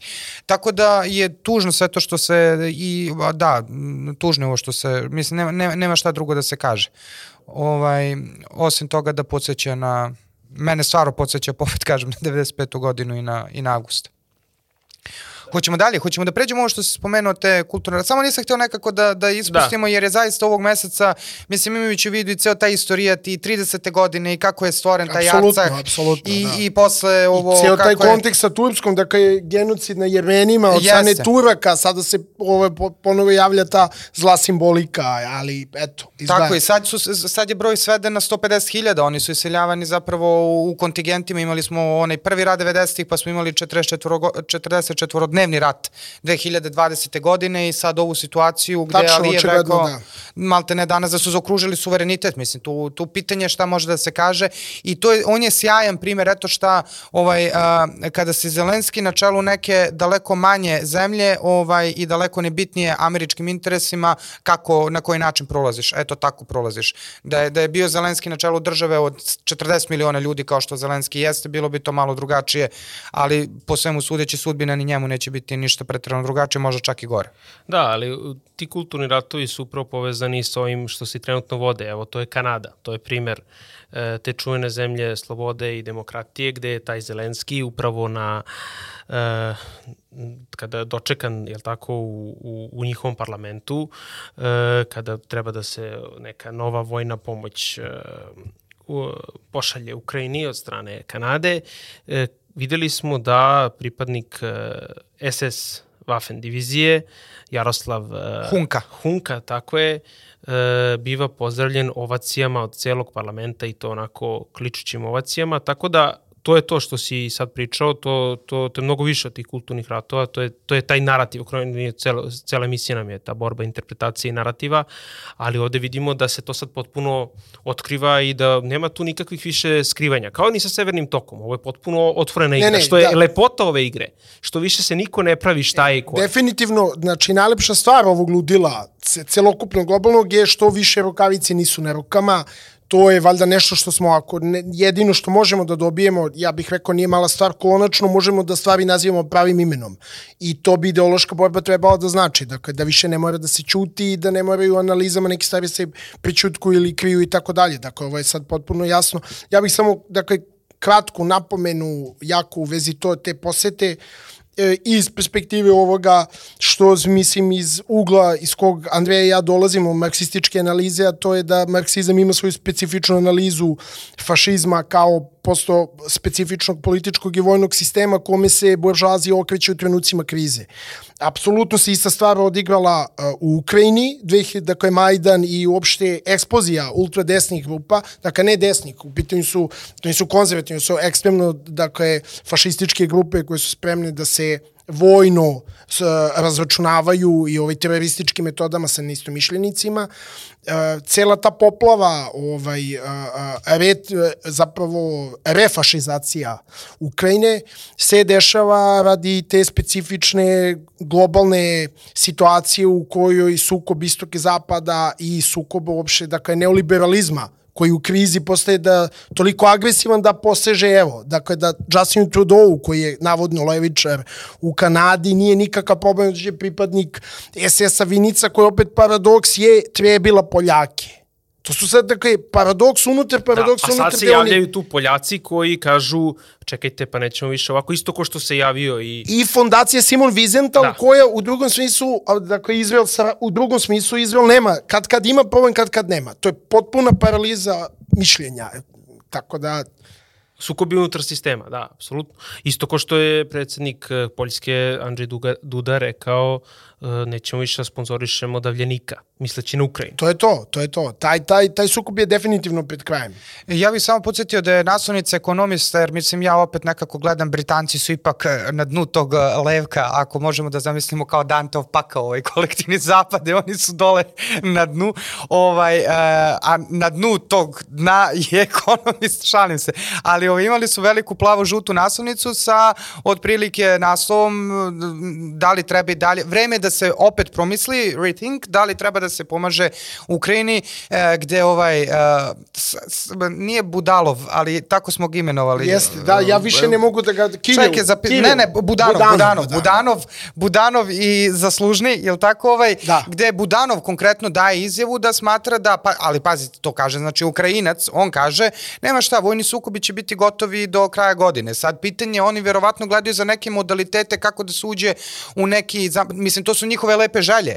Uh, pričam ono što priča, dakle, ekonomist koji je glavno glasilo londonske Jasno, da. propagande, znači oni verovatno razmišljaju o nekim modalitetima smrznutog konflikta, neke one, kako, kako je završen korejski rat, znači da se tako neka varijanta napravi. Pitanje da li to može tako, jer ovo što je ostalo od Ukrajine, tek kad se uđu u celu ovu priču koju smo takođe spominjali sa draft Dodgersima, to je ovima koji su pobegli iz Ukrajine na zapad, pa sad Nemačka, Austrija, Poljska, Mađarska i Češka odbijaju da vrate vojno sposobne Ukrajince Zelenskom. Samo to, De Arestović juče kaže otvoreno da će najverovatnije svako svaki muškarac Ukrajine morati da prođe kroz neku fazu rata. To je nezapamćeno. Tako je. I dakle, ono što je najstrašnije, ne znam da, to je znači viralno je na TikToku ljudi koji se snimaju u suzama, Ukrajinci, gde im je stigao poziv iz Kijeva u, na primjer, Francusku i gde kaže čoveče, ja sam pobegao, šta sad ovi, o čemu se uopšte radi, pokazuje kako mu je, ne kaže u kojoj je zemlji, jasno, jasno. jer bi ga onda uhapsili, ali ove, što je opet suprotno evropskim konvencijama, jer nema ekstradicije po krivičnom, nego samo... Ali pošto živimo u vremenu suspenzije konvencija, je. Što je, sve je moguće, a pre svega nemoguće. Sve mogu, osim u slučaju Sergeja Trifunovića. a se sve da. konvencije da. primenjuju. da. na njemu se sve lomi. Sjajno. Čak i Evropa pala na Sergiju Trifunoviću. Da. Pazi, negde na tom mora. Ispitu. Na negde, tom, mora, negde, negde mora. Negde, pa, negde mora. Pali su da nisu čoveče. Ali dobro. da, ali evo, sada iskomentarišemo i ovaj slučaj Rasela, uh, Rasela Brenda i, i toga kako prolaze oni koji su pa možemo reći, u nekom kontekstu i pobunjeni protiv ovoga svega, barem i na YouTube-u, ako ništa drugo, e, kako se provodi ta cenzura, mislim to nije ništa, e, ništa novo, kako su mu ukinuli kanal i demonetizovali i tako dalje, ali e, to šta se njemu dešava, upravo to rekli smo, dešavalo se i, i Johnny Deppu i drugima, Pa evo, Andreja, kako bi... Kako Johnny, ti... Johnny, Johnny Cash, da. Johnny, Johnny Cash, da. Sad je moj red da kažem uh, da se ništa ne slažem ovog puta s Markom, ali doći ćemo, doći ćemo i do toga. Ove, dakle, aj samo da predstavimo situaciju jer da ne podrazumemo da svi znaju sve. Dakle, Russell Brand, komičar, glumac i kako Wikipedia kaže teoretičar zavere, to mu je zvanično u opisu, e, britanski prilično popularan, e, je sada ovaj, optužen od strane čak četiri žene za silovanje i za seksualno napastvovanje. Jedna od njih u trenutku dešavanja toga navodno imala 16 godina i tako počinje sve ovo. Haos kao i u slučaju svakog drugog slučaja vezano za to gde se naravno, pošto je to crno-beli svijet u kojem Zapad živi, se upravo automatski biraju strane i dele se po tome i čitava, jako naravno policija tek čini mi se juče krenula da istražuje zvanično te navode, dakle već je, već je presuđeno s obe strane, s jedne je optužen, s druge je, ovaj, kako se sad to kaže, oslobođen a ovaj, stu, dakle, samo policija, da, dakle, do suda nismo ni stigli, je tek juče krenula to da radi. I uh, sad, to je ilustrativno prilično i mislim da ne bih uopšte to sada pravila uh, paralele sa Johnnyem Deppom, osim, eto, kroz prosto jedan primer pokušaja cancelovanja putem ovakvih uh, optužbi, ali mislim da su distinkcije nekad važnije od sličnosti, da, da ovdje opet imamo situaciju gde se pravi jedna velika logička greška uh, ili, ili, dakle, postavlja se situacija jer njegova odbrana je da je ovo koordinisani napad centara moći, mainstream medija, Vogue, ludaka i tako dalje na njegov lik i delo i da u tim optužbama naravno nema ničeg istinitog i sad to je način na koji se on brani očekivajući da će se s obzirom na, svoj, eh, na svoju biografiju tako i braniti. Eh, dakle, stvar je u tome da se pretpostavlja da ili je to zaista koordinisani napad od strane svakakvog, svakojakog mainstreama i, i, i Vogue diktature ili on silovatelj i potpunosti se zaboravlja da te dve stvari se apsolutno ne isključuju. Dakle, ovo sve može zaista biti organizovan napad na njega i najverovatnije jeste i postoje dokazi za to i to njeg, ni na koji način ne čini ovaj, nevinim u svemu ovome dok se to ne pokaže i dokaže u okvirima institucija, u meri u kojoj tako nešto uopšte i moguće dokazati sa toliko godina kasnije. Radi se o periodima od 2006. do 2013. I naravno sad je to, sad je to, e sad šta je meni tu interesantno? Pored ove crno-bele slike sveta, jednostavno potpunog odricanja mogućnosti da obe stvari mogu da funkcionišu, kao što isto tako, isto tako moglo da funkcioniše da, da on i nije silovatelj i da su ga napali neki bez centri moći. Mislim, uopšte se tu ništa ne isključuje. Interesantna mi je ta ideja, ali ta njegova odbrana na koju ta neka konzervativna strana uh, Amerike i dobra, ajde, Britanije, ali ove širi kontekst, dakle toga nekog uslovno rečeno zapada podrazumeva, to je to nekakav jako e, nipodaštavajući i ratobarni odnos prema nečemu što se naziva, nazivaju mainstream mediji, centri moći i mali jadan pojedinac koji postoji na tom malom jadnom YouTube-u, koji nekako nije centar moći, ovaj, i um, koji onda se razotkriva da svi ti mediji lažu, pošto su očigledno Amerikanci do juče verovali da ne lažu, ovaj, i da, i da, da tu može da postoji da. neka ideologija, neka propaganda, neke stvari. Dakle, i sada ti neki divni, pametni pojedinci iz, ispred kamere i svoje dnevne sobe se obraćaju direktno vama, vi gledate danima, ovo je, dakle, si, ovo je sindrom influencera i nadilazi ovaj konkretno primer, ali je ovaj, u kontekstu društvenih influencera možda najopasniji, dakle političkih, i onda vam oni razotkrivaju to, vi jako brzo, pošto je to tako funkcioniše, gledate ga vjerojatno iz kreveta pre nego što dajete spavati ili na poslu je dosadno, vi, vama se čini da poznajete tu osobu, da vam je prijatelj na tom nekom nezavisnom YouTube-u koji evo uopšte nije ukinuo e, gomilu medije, između ostalog arte ispostave i tako dalje. Dakle, ti, sad mi je, to mi je fascinantno i sad taj legitimitet i istinitost, šta god oni tu pričali, crpe isključivo iz toga što su oni jeli, nezavisni, YouTube nezavisni, a radi se i što su kao kontra mainstream, a to su ljudi konkretno Russell, u slučaju Russella Blanda koji ima skoro uh, 7 miliona pratilaca na YouTube-u, 6 miliona pratilaca na Facebooku, nisam gledala za Instagram, to su milionski pregledi svuda, e, stotine hiljada na TikToku, dakle mladi ljudi su uključeni sve to. I sada A sve vreme ta paćenička priča, ono, američki, američki san na drugi način pojedinca koji se bori protiv sistemske nepravde, tog libertarianističkog, antidruštvenog uh, uh, poredka. To je Tačerovsko-Reganovski povratak je. tog, da, Tačerovsko-Reganovskog, da, da, da. I sad Znam da- naravno, da... mi sad, zato što smo svesni svega toga, samo se plašim, jer eto, opet pričat ćemo o tome u nastavku, dakle zašto je zapravo zaista važan američki kulturni rat, iako se neki naši komentatori na YouTube kanalu nisu složili, evo sad zbog njih ćemo pričati o tome, ali je to zaista opasno ukoliko se to, jer i preliva se, mislim on je postao u tim krugovima konzervativnim poznat baš zbog reagovanja na COVID, na priču s vakcinama i tako dalje i uopšte sad ne dovodim u pitanje da on jeste raskrin kao gomilo sa tih paklova koje zaista su se dešavali u tim ono farmakoindustrijama zapada, tu nema sumnje, ali ovaj, ovo je i tekako možda čak i perverzniji, opasniji oblik manipulacije iz dnevne sobe jadnog nezaštićenog zaštićenog pojedinca sa stotina miliona pregleda na YouTube. Ali Mislim, meni nije jasno ni, izvini, uh, si htjelaš nešto? Ne, ne, to, to, to mi je neki uvod za ovu temu. Samo mi nije jasno na, u kom, u kom, na kom sad nivou on imponuje, to mi je, to mi je isto genijalna stvar, na kom nivou on imponuje, na primjer, jednom Pirsu Morganu ili jednom, ne znam, uh, svim Pirsima, Benu Shapiru, Metu Volšu, kome god.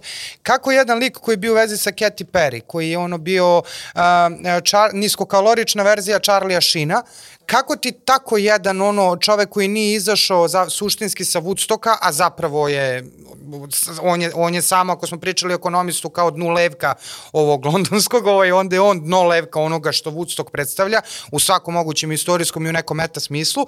Znači, kako, kako on može da imponuje ljudima koji sebe smatruju američkim desničarima, konzervativcima, uh, umišljenim rednekovima koji uglavnom više i ne postoje, jer je to sve razveljeno. Uh, mislim, tu imamo ovog, ovog Oliver Antonija, ali kako on, on mi je jasan, iako je zapravo levičar, čovek i ono blue collar worker, zapravo suštinski, ono iz rudnika, ali kako ti imponuje jedan takav lik koji je ono, e, tačno vidiš da je ispao iz tog jednog potpuno antidruštvenog, uh, antidruštvenog uh, konteksta. Na isti način. Ali ne i antisistemskog, nego baš antidruštvenog. Na isti način, evo kratko, samo na isti način na koji danas levičari po Evropi koji su bili antiratni i zelena politika podržavaju nuklearni rat i ratovanje. Na isti tako način. Je, dakle, tako je. Ista razmena, to je prebac potpuni zato što živimo u ono kako oni zovu u teoriji post-ideološko, post-političko vreme. I mi zato toliko u ostalom insistiramo, bakar mi na TCL-u, mada i vi, mislim, svojim radom i tako dalje, ovaj na, e, da ljudi počnu, dakle, da, da čitaju više stvari i da više razmišljaju stvari, zato što naši neprijatelji definitivno čitaju i razmišljaju stvarima i dakle, stvari ne mogu da se vide, ne mogu da budu jasne na prvu loptu. Ja potpuno razumem da ljudi, naravno većina ljudi ne stiže da se bavi stvarima na taj način čita, zato što prosto svako juri za, za, za, za ovaj poslom, platom i tako dalje, ali upravo na taj način ljudi kao što su, evo, to je sad Russell Brand, ko zna koliko ih je bio pre toga, počinju da se čine kao antisistemske figure. Tako. Samo zato. I prosto se stvori taj medijski, kako zove, eho komora, gde se prosto, to se pogotovo uh, jako brže postiže sad socijalnim mrežama, gde zaista stvari idu kao virus, idu viralno, i ti više nikad to ne možeš da stigneš. Mislim, lepo je što mi ovo pokušavamo i treba da pokušavamo, ali naravno za većinu ljudi će on ostati ono što, što si ti upravo sad rekao. Ali ove stvari su jako važne zato što je to, sad, to kada dođe i stigne kod nas i sad mi čitamo ovo, prosječna osoba pratila ili ne pratila njega, uh, će da bude u fazonu napao ga je BBC, napao ga je Guardian, očigledno on je naš. Mislim, i onda mi preuzimamo nešto potpuno nekritički, bez uopšte razumevanja da je on i tekako deo tog mainstreama, samo s druge strane. On je dete tog BBC-a i Guardiana, ajde sad, i čitave te nomenklature koja sad pa prolazi kroz svoju ovaj krizu. Tako je, i sad ćemo da mi potpuno nekritički ovde da preuzmemo i da potpunosti zastupamo tu tezu, jer kao znamo da je bilo i, mislim, niko neće, svi će pričati o njemu i pričat će o, ne znam, um, Andrew Tate-u, zašto ne pričamo o Assange-u? Mislim, zašto ne pričamo o nečemu što je zapravo ovaj Tačno, da. da. Za, e pa za, zato što zapravo nema ni YouTube ni ništa. Da, da, znači ne, nema čovek, ne znam da li ima više od četiri kvadrata. Na, dakle, tačno, ovaj, tako da da, samo mislim da tu treba budemo oprezni i to možda biti i uvod ovu širu temu šta su američki kulturni ratovi i kako oni postaju naši. Pa šta su? Zašto postaju naši. A, pa šta su? Ajde. Da. da imam bradu da mogu ja ovo da radim. Mm -hmm. Da, Ove, pa da, stvarno šta su. E, mi smo se suštini dogovorili, ti ćeš dati taj stari istorijski pregled. Ja e, ću početi malo, stori, od malo uh, skorijeg trenutka, da. da e, gde zapravo kulturni rad nema, najmanja veze ima, mada ima veze i s tim, sa nekom kulturom u užem smislu, kao nekakvim sad kulturnim događajima, umetnosti i tako dalje, već ima veze sa kulturom u širem smislu i u suštini to je termin koji se javlja 20. godina 20. veka u Americi, tad se sporadično pominje po mnogim medijima, ali neka ključ, ključni trenutak kada doživljava svoj revival je zapravo 90-ih e, i posebno danas, ali ukratko to je dugi niz godina zapravo bila nekakva podela između te neke liberalne struje s jedne strane i konzervativne struje s desne strane, ovde govorim o liberalizmu i konzervativizmu američkog tipa, 20. vekovnog pritom, gde bi taj liberalni bila nekakva progresivistički ideje, ljudska prava, prava manjina, slobode i tako dalje, a konzervativistički pristup bi bio nekakav tradicionalistički pristup okrenuti ka toj religiji, pa makar ona bila i protestantska i tako kad je nekakvi... Da, zapravo dominantno neka, protestantska njihov, da, tako to bi da, da. I sad ono što mi se tu da čujemo, dakle, to je nekakav sukup sistema vrednosti da koristimo taj, tu sintagmu tamo gde je adekvatna, dakle, za Ameriku. I uh, ja ću sad citirati, jer mi je bilo izrazito zanimljivo kad sam juče spremala ovo, Pat Buchanan 1992. on je bio kontrakandidat na republikanskim izborima uh, Bushu, je rekao da je u toku kulturni rat, koji je za budućnost američke nacije i to šta će ona biti e, presudan koliko je to bio hladni rat u pre toga.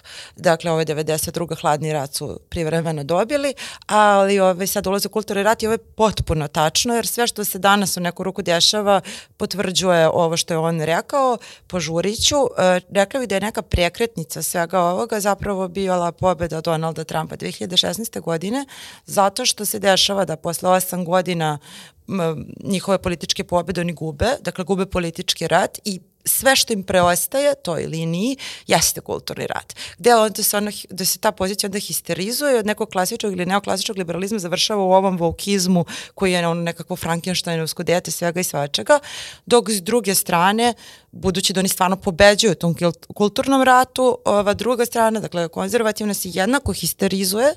I dolazi i, do rasu brenda. Evo I ga. dolazi do ra... Da, ga, tako dolazimo je. tu. Gde je čupavi hipik iz Londona zapravo komunicira da, sa radničkom klasom. Da, sad došla do, do sante leda, znači ovo je vrh ledenog Tako brega, a ovo je ono što se krije. E. Ispod ono kao Justin Trudeau kada dolazi na posao biciklom, a ispod se zalaže ono da se što pre nuklearna elektrana u Zaporožju krkne s nekim dronom. Mislim, to su te, e, te faze tih jesu, ono, ali apsolutno agenti. jesu. Prespajanje. Mislim, da. ali ključna stvar ovdje da razumemo jeste zašto su kulturni ratovi važni. Zato što pobednik u kulturnom ratu određuje šta i kako smije da se kaže. Znači, pokriva javnost, medije u, u kontekstu akademije ovo je teko opasno. Kako i šta sme da se istražuje? Dakle, koliko ste vi naučili, možete biti cancelovani. I šta može da bude objavite, nauka, šta ne može, to je sad najluđe. I sad objavite rezultate nečega što nije u skladu sa agendom i vi gubite svoj posao. Dakle, nauka, ta neka bar minimalna predstava nekoj objektivnosti ili bar neutralnosti nestaje. E, šta smije da se radi? Šta je umetnost? Kako, dakle, to su svi, to nije mala stvar i sad. Zato što mi živimo u doba koje jeste globalističko i zato što smo u poziciji kako jesmo, to dolazi kod nas i poprima drugačije oblike, gde ovde sad, rekla bih, naša podela nije woke versus uh, konzervativci, nego je globalisti protiv antiglobalista. Dugo se razmišljala kako bih uh, i mislim da ljudi kojima je stalo do kulturnog rata sami sebe tako posebno antiglobalisti vide, e, gde onda e, je, dakle, to je globalizam bi više odgovarao tom nekom vokizmu, a antiglobalizam bi naravno navodno trebalo da bude antiglobalistički, međutim zato što smo mi opet to što jesmo, dešava se da se jako nekritički takozvane navodne uh, antiglobalističke pozicije apsolutno preuzimaju narative desnih konzervativnih američkih ove, američke strane i, i dobro, donekle i evropske, ali više američke u ovom slučaju, i ponavljaju to ovde kao nešto što bi trebalo da bude autentično srpsko stanovište. Da imamo evroazijske antiglobalne pozicije. Tako je, zapravo, i, i e. bukvalno dolazimo u situaciju da sad nas, ovaj, da, se, da, se, da se naši kulturni ratovi ovde odvijaju s pomoć američkih argumenta koji ni na koji način nisu adekvatni situacijama, dolazimo do toga da naši ljudi koji sebe često umeju videti, ne svi naravno, ali kao, kao neke sledbenike svetoslavlja su zapravo sledbenici protestantizma, ti sad će više pričati o tome, dolazimo do to nekog bukvalno usvajanja nekakve protestantske uh, etike, Ali nekakvog zaista. uh, pomešane sa viktorijanizmom nekim čudnim, ovaj, koji se sad ovdje ispostavlja kao nekakva srpska tradicija i uopšte šta bi bila srpska tradicija koja je to, to, to ta antiglobalistička pozicija, a sad o ovoj globalističkoj neću o pričam jer to je mnogo, mnogo jasnije, samo što tu treba onda da se za razliku od woke pozicije, a u Americi ovde doda pre svega ovaj au- autokolonijalni mindset ljudi koji su na toj strani kod nas. Dakle, ali da, taj kulturni rat je jako važan, jako važno da pratimo šta se dešava tamo, jer to je svakako, mislim, to prati nas. Znaš, ono, filmovi koji nas gledaju. Mislim, ne morate vi da se bavite kulturnim ratom, on se bavi nama i tako da, da što više budemo o tome mislili, mislim da, da gomila ovih tema, evo koliko puta nam je iskrso, da to zapravo jeste deo i posledica nekakvih stvari unutar kulturnog rata. Kaže. Može samo jako kratka, dakle, e, radi pojednostavljenja, zato što verujem da i ovde jesmo, da bi, da bi širem gledateljstvu eventualno pojasnili e, neke ma- komplikovanije šire pojmove. E, nužno su kulturni ratovi, ehoji, a, a, proizvodi onoga što izlazi iz političkih ratova. Dakle, to je, kad već si pomenuo ovaj, to, tu santu leda, što je jako dobar, mislim, taj format Pa me, mim, memova, da, da. da. Dakle, ono što mi vidimo gore i u čemu učestvujemo manje više svaki dan su zapravo posledice stvari koje se dešavaju dole. Dakle, naši kulturni ratovi se zapravo dešavaju između dakle, ljudi koji su, ja bih rekao, antikolonijalni i autokolonijalni. Tako je. Tako je. I u tome se, dakle, da, proizvod toga, bar u našem slučaju, je, su SFRJ kulturni ratovi, podela, dakle, na, na urbano stanovništvo i seljake. To je dugo vremena bilo. To je dugo vremena bilo i zapravo naš lokalni, lokalni, lokalni kontekst je patio toga, dakle i to je odražavalo jednu specifičnu dinamiku unutar SFRJ, a to je zapravo e, nas, prinudna urbanizacija koja je morala da se dogodi i onda ono što smo imali, dakle šta je drugo naše folk nasleđe, pogotovo to novo komponovano 70 80 osim žala za tradicijom i tim za volek devojku iz grada, a zapravo želim da se vratim majci u Bosnu versus onoga što je vladajuća partijska nomenklatura, sad to je opet lepota naša, gurala punk kao matricu i paket aranžman, kao legitimacijonu kulturnu matricu svoju, a zapravo je bila kao borba protiv zapadnih modela. Tako da onda imaš uh, uh, ironične ultradesne studente, da li filma ili čega, da idoli kroz maljčike tom istom radnom narodu, čije je to navodno država, uh, da ne kažem. Znaš šta ćeš da kažeš. Da, ali zaista proces urinacije kulturološke, gde nominalno tu radničku državu nema ko da štiti i to ide, jer je to kao prozapadno skladuje sa tojim duhom vremena, tekom vremena, a narodna muzika dobija stigmu i dobije zabranu. Tako da ja bih to dodao, dakle, da je jedna stvar neodvojiva do druge, političko pravi, prati kulturno, kulturno prati političko i trebali bi uvek da pokušamo da imamo to u vidu. To je moja neka, moj doprinos ovoj temi. Da, ali Amerikanci su u tom smislu uh, specifični jer, uh, ok, jasno je da, uh, jer uh, oni su pobedili u hladnom ratu i tad su zašli zapravo u domen kulturnog rata. Ali, Unutrašnjeg, da. Unutrašnjeg kulturnog rata. Ali ono što je interesantno jeste da kulturni, zapravo na kulturni rat navlači suštinski bi trebalo i logično bi bilo da navlači neka strana, ona strana koja gubi je ona koja posle taj gubitak iz političkog, Kompenzuje. iz domena političkog rata kompenzuje i tako i nasto kulturni rat, or, oriđiđi kulturni rat.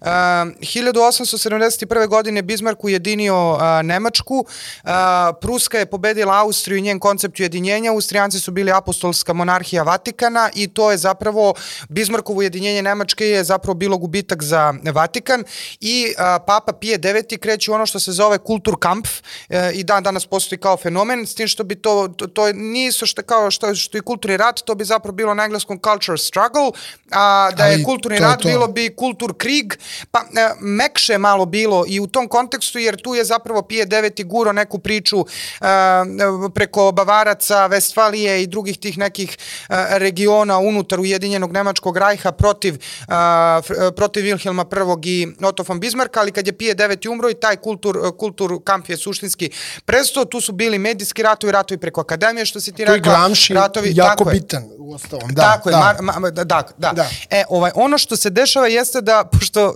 ipak genetski bazen Sjednjih američkih država u najvećoj meri čine Nemci, što smo mi zaboravili zbog toga što su masovno menjali prezimena. Čitajući napisane knjige. Kad je e. Hitler došao na vlast, onda su Amerikanci promenili prezimena da ne bi kojim slučajem završili toj demokratskoj Americi zajedno s braćom Japancima u nekom koncentracionom logoru.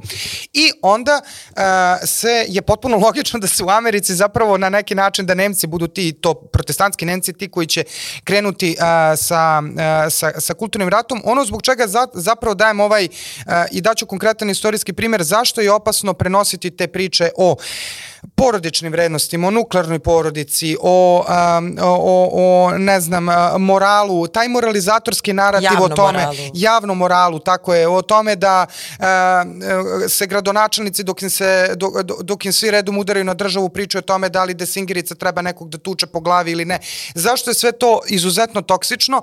Toksično iz prostog razloga što Amerikanci, being Amerikanci, koji su u suštini progresivisti, koji sami kažu uh, da, da je njihova država jedan veliki eksperiment, ono, oni su došli na teritoriju koju su smatrali praznom i isprovodili to svoj eksperiment kako su ispraznili o tim genocidima, nećemo sada pričamo.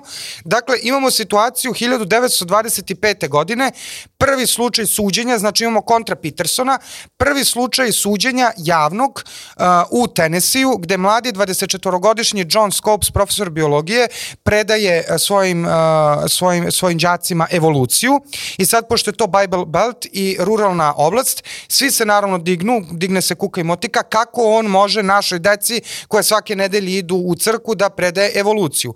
I državni tužilac William Jennings Bryan, čovek koji u četiri uh, izborna ciklusa uh, vodio, pazite sad, izolacionističku uh, kampanju protiv tada aktualnih predsednika Tede Roosevelta mlađeg i McKinleya koji su napravili američku imperiju i osnovali prve kolonije.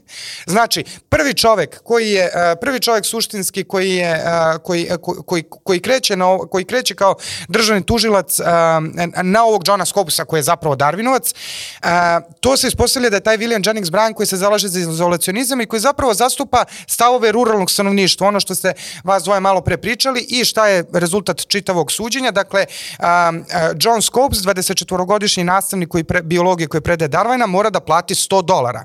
Gubi od ovog čoveka koji je u tom trenutku najpopularniji političar i koji se zalaže za izolacionizam i koji predstavlja ruralno stanovništvo i o, to je otprilika neka slična priča kao sa Tomom Nikolićem kad je bio na čelu radikala. Znači ni u jednim izborima nije mogao ovaj da dobije zbog toga što nije bio deo duboke države tadašnje, jel te? I sad imamo 100 godina fast forward. Ajde da zamislimo da se, da se desi situacija da neko dođe u Kanadi ili u Americi da predaje danas kreacionizam. Ista reakcija bi se desila. Digla bi se kuka i motika, a svi povici bi, parole bi bile identične.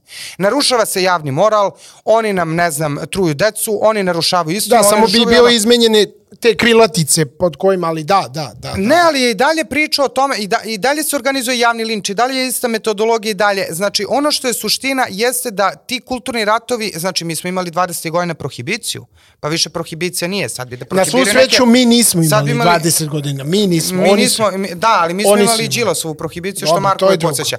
Ali druga sad stvar, ovaj, uh, zamislimo, zamislimo, uh, zamislimo samo u današnjem kontekstu da se desi tako neka situacija od pred 100 godina, isto se radi o zaštiti vrednosti. To sam htio na posledku da kažem. Desila se, podsjetiću na primjer ministarke prosvete naše koja je pokušala da ubaci kreacionizam, koji inače ima i kao, možda je to emisija do duše tema za drugu emisiju, ima jako dragocene uvidi u urušavanju našeg obrazovnog sistema nakon 5. oktobra, ali je pokušala da uvede i vodila se ova, to je bila tema za šestomesečni kulturni rat, to je 2004. 5. 6.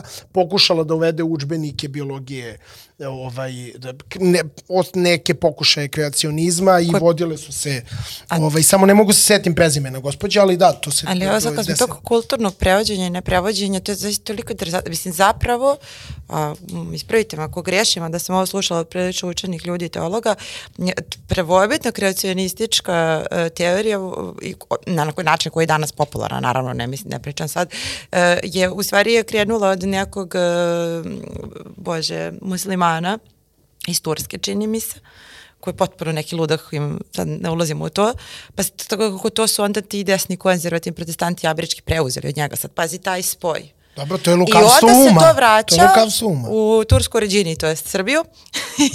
I sad mi moramo ovde da se bavimo kreacionizmom i antikreacionizmom koji nemaju nikakve veze ni sa jednom od naših mnogobrojnih suprotstavljenih tradicija. I kao uopšte ne želim da razgovaramo o tome. Prosto, e, e, e, ako u nečemu postoji kontinuitet, to je u tome i da li zaista nama sada treba um, tursko-američka verzija kreacionizma kao tema da bismo se dokazali da smo Srbi. Mislim, to je baš onako, jer to je, to je sad taj problem toga da, da, da ta strana koju bismo mi sad nazvali, koju mi definitivno ovdje naš četvoro, ali šire pripadamo, ili ta neka antikolonijalna strana e, će da pozajemljuje kolonijalne argumente, dakle neće ići, to ne funkcioniše tako, argumenti nikad nisu samo argumenti, to te menja. Dakle, da li ćeš ti onda, da li, si, da li si ti levi ili desni, dalje si mali amer. Mislim, Tačno, ne, Tako je. u Tako da- globalu je tačno, da. Tako da to su bi nekako baš važne, važne stvari i nije slučajno što se, eto, na primjer, to vodi 2004. ili imamo problem sa pravoslavno poglavskim fakultetom i izbacivanjem profesora koji su rekli jednu veliku istinu, naša teologija ni na koji način nije suprosljena s Darwinom, to su stvari koje se bave između ostalog i relativno različitim pitanjima i onda su doživjeli šta su doživjeli, sad ovo nije tema, ali to je 2017. Dakle, prosto samo hoću da kažem, presta, da prestanemo, imamo dovoljno svojih ratova, ajde da ne uvozimo tuđe i da tu ovaj, lovimo Že da ovo koplja. bude apel, zajednički apel zapravo, da zapravo uspešnije vodimo svoje i da manje Ali uvozimo. ovo je Tako vrlo interesantna tako ta kompatibilnost između turskog, uh, uh, između muslimana, jer pa, uh, s jedne strane imaš zapravo protestantske džihadiste i pa oca, o, o, oca hrišćanske džihadiste, to su zapravo američki protestanti, jer ti imaš tvorca američke doktrine pomenutog McKinleya, koji kad ga pitaju kako rešaju ti kineze, kaže kineze treba pokrstiti. Oni krajem 19. veka viču treba pokrstiti katolike. I to je sad vrlo interesantna ta, ta, taj sukob koji je mnogo dublji u Americi, katolički jug, demokratski i republikanski severni protestantski, zbog čega je republikanska partija republikanska, pa zbog toga što protestanti od svoje partije koja je republikanska očekuju da republika uređuje privatni život na dnevnom nivou i o tome šta su dobre navike, šta je košer, šta je halal, šta je ovo, šta je ono. Znači, bukvalno na tom nivou, do uređivanja jelovnika, pa nadalje, otud prohibicije, otud gomila tih drugih Ne, ne, ludila. Naravno, jasno, posle su se tim što- uključile druge ideologije, uključio se radnički pokret, ovo ono, pa je to iščililo u 19. veku i vratilo Uključio se. se u osnovom kriminalni element, to je Tako je. najbitnije sa prohibicijom, ali to su sad stvari za koje bi da, da, zaista da. Ne, ne, potrebno je svima Ovo je jedno više afganistansko ministarstvo javnog morala i ponašanja. Tako je. Možemo, da. tačno, dobro, javnog, da. javnog mona- morala, javnog planiranja i ponašanja. A dobro se zna da što se morala tiče, morala sam. Tako da će to prosto morati da se provodi. Ali to je taj duh ono determinizma našeg koji je predivan. Ne? To je Da, jedna se morala tiče, da, da, to je genijalna rečenica. Što se morala tiče, morala sam. Znači, prosto stvari koje su moralne i nešto što se tiče moralne rasprave su manje više vezane za ono što moraš da uradiš da bi, ne znam, opsao, preživeo, što zapravo tebe zahteva data situacija. To je moral. A ne neki unapred pripremljeni set prednosti. To je isto jedna, ali opet poenta koja bi možda probila okvire ovakve emisije. Tako da, ovaj, um, imamo uh, rimsko sad pitanje, gde će možda moći opet da biljiraju Andreja Tiosa. Teško. I oštrili su se. speci- Naoštrili su se, da, Naoštrili na su se, ja vidim za ovo. Ne, ali Ja Šta sam, ja Republika, sam rešila moderni Rim. Ti ne, sad pređi na pa ovaj. da, ali da, zapravo ali su sad... piše večiti Rim. to je Večiti sjajno, Rim, to, to to ti večiti si ti nešto. To je večiti to Rim, da, ja stojim na tim da. pozicijama. Pa ne, cakli u tome što je uh, ova uh, ženska verzija Ben Shapira, kako se zove opet? Liče, mislim, da ne shvati neko Comment pogrešno. section. Uh, comment section, da. Uh, uh, jedna, nešto. Da, jedna, jedna uglavnom od devojčica, influencerki političkih i učesnica u kulturnom ratu s ove konzervativne uh, strane, vrlo, vrlo inteligentna, mlada, baš Izrazito. mlada, ali Tako vrlo mada već mađarica, Mađarica, rečima našeg ona- brenda e sad, Ramba Amadeus. Ali ja ne znam da li si ti svestan toga da ona zapravo živi u Budimpešti. Ja, e, nisam. Ona živi ne. u Budimpešti, to sam Lukavstvo čuo baš kad sam slušao. lukavstvo Uglavnom, ona je prebrojala da je u poslednjih mesec dana bilo 700 naslova u zapadnim medijima svih vrsta koliko puta dnevno pitate a, vaše partnere, naravno muškarce, a, Molim lepo. a, a, koliko puta dnevno razmišljaju, to je pomisle na rimsko carstvo. I sad, ovaj, bilo je oko 700, ja mislim, naslova ili tako nešto. Meni je za oko zapao ovaj Washington, uh, Washington Post koji kako je... drugačije? Koji je, da. Uh, zapravo je sve to vrlo onako fino upakovano u ovu matricu kulturnih ratova. Uh, prva i najgenijalnija stvar jeste da se jedna od mnogobrojnih stručnjaka kandidatkinja ovaj, za, uh, rimsko, za rimsko carstvo sa zapada ovaj, um, kaže kako je to strašno što su u 19. veku uh, napravljen narativ o tom rimskom carstvu um, i da, se, da su se ta ljudi bavili samo isključivo vojnim i političkim pitanjima, čime drugim da, mislim, čime, čime da, se baviš, da se bave. I osnovom da šta je drugo pitanje, ako, ali ajde. Ali, ali onda konstatuje, onda konstatuje na tragu ovih novih uh, uh, ključeva za izučavanje Cezara koji je počinio prvi genocid u Galiji nad Galima, na tragu tih ovaj finih tradicija se, se sada tumači Rimsko carstvo kao jedno uh, toksično patriarhalno društvo Naravno, maskuliniteta. Prvi genocid. Prvi e, genocid. Sad, pr, tako je, ali sad gde se ide, gde se, gde se zapravo zalazi u apsolutno ludilo ovaj, i postoji razlog zašto, zašto podcrtavam ovo ludilo, onda se kreće sa time da Rimsko carstvo inspiriše, a, da je inspirativno za ovu, za ovu drugu stranu u kulturnom ratu, zbog toga što su zapravo tu postojale različite verzije maskuliniteta, postojale su, a, postojale su žene koje su imale agentnost, opet kako to da kažem u društvu, a, imale su agentnost i, kaže, imale su, bile su ovako vrlo živopisne ličnosti i donosili su političke odluke. Mislim, pazi, to, to pričamo o rimskom carstvu kome pater familija sa svim članovima porodicu, uključujući i ženi, ima pravo života i smrti. Ali okay, uh, znači žene su imale agentnost po njihovom mišljenju. I sad kao vrhunski primer pozitivni za ovu drugu stranu u Rimskom carstvu se navodi jedan car iz semitske dinastije Severa, Elgabal ili Heliogabal, To je momak od 14 godina koga je rođena baba ubila zbog toga što nije mogla više da ga trpi. Vlado je, o, Vlado je početkom trećeg veka, a, on je čovek organizuje patricije na gozbi pa pusti laove na njih pa im oduzima decu kao janjičari pa ih prinosi na žrtvu Molohu.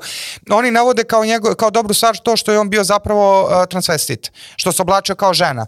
Ali mislim ako hoćeš da, da staviš, a, da učiniš dobro delo Pirsu Morganu, Benu Shapiru, Metu Volšu, konzervativcima, Andrew Tateu na kraju krajeva, to jeste da tako jednu nakaznu ličnost kakav je bio El Gabal, direktno povežeš sa transvestitima i ti si završio priču. Pritom si povukao kao argument ono što daje legitimitet američkoj imperiji već vekovima.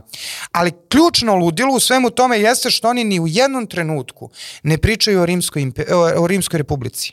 Oni pričaju o Rimskoj imperiji kao paradigmi od Edvarda Gibbona iz 17. veka i za Britaniju kao paradigmi propasti carevine.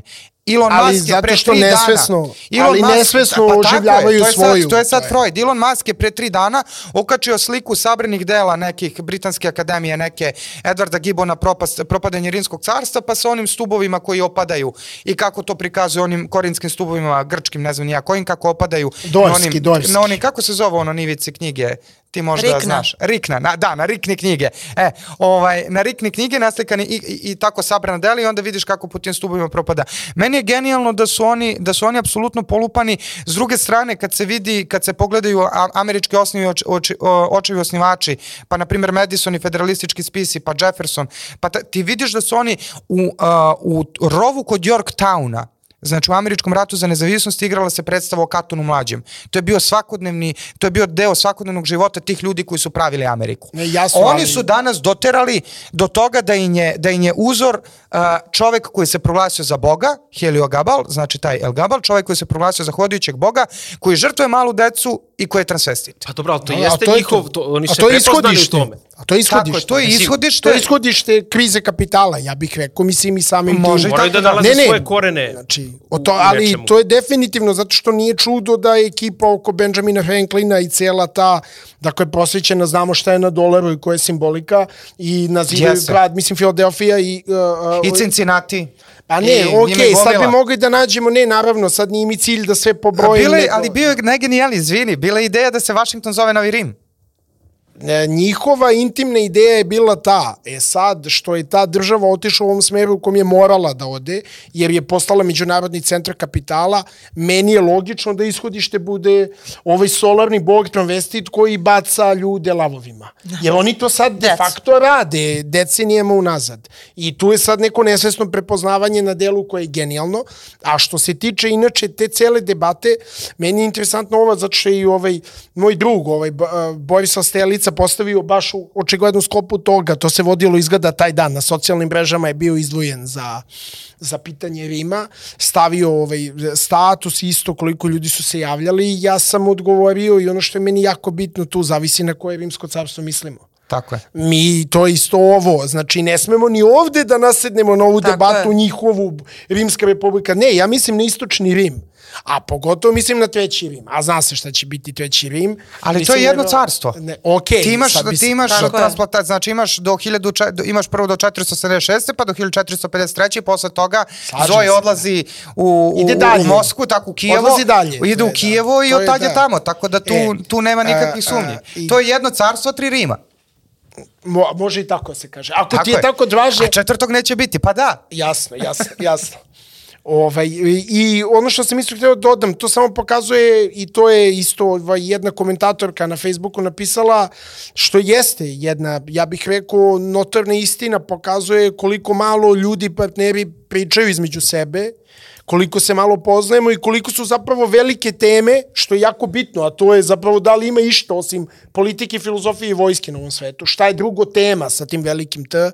Ovaj, koliko su nam zapravo iščega, iščezle i svakodnevno govore, što je meni porazno. Da, da partner ne zna da koliko puta, da koliko interesuje u drug, bilo šta. Znači, Tako ne mora rimsko da, carstvo. Nije ga koliko interes- pričate o tome u istoriji, o tome ovo sad nije palo sa neba, dakle mi nismo pali sa neba, u pitanju su generacije i generacije ljudi, kulture, ratova, patnje, stradanja i lepih momenata, naravno više stradanja do duše.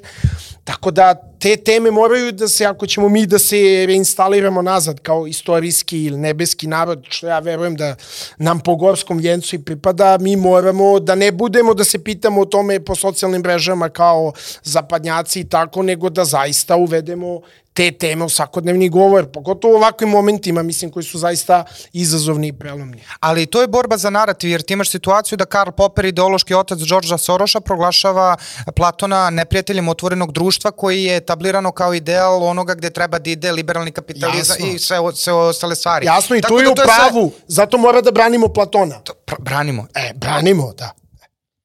E, Hoćemo da privodimo... Ali ovo jeste kontra i Harariju i svemu ovome što se servira Homo Deus, znači čovek bog i da se shvati da nije sve od juče i da nismo od da. juče, nego ima nešto što je mnogo starije od nas i veće od nas i upravo nas to uči, Tačno. Rim nas uči toj skromnosti Tačno. kad se vidi šta su oni sve ostavili, a u krajnjoj liniji neko pozivanje sada na celu ovu trenutnu geopolitičku situaciju, naravno i neko intuitivno povezivanje sa tim Rimom. Tako Ali da, jeste to što si genijalno rekao, homo deus etoga, Elio Gabal, to je to. To je zapravo taj idiot.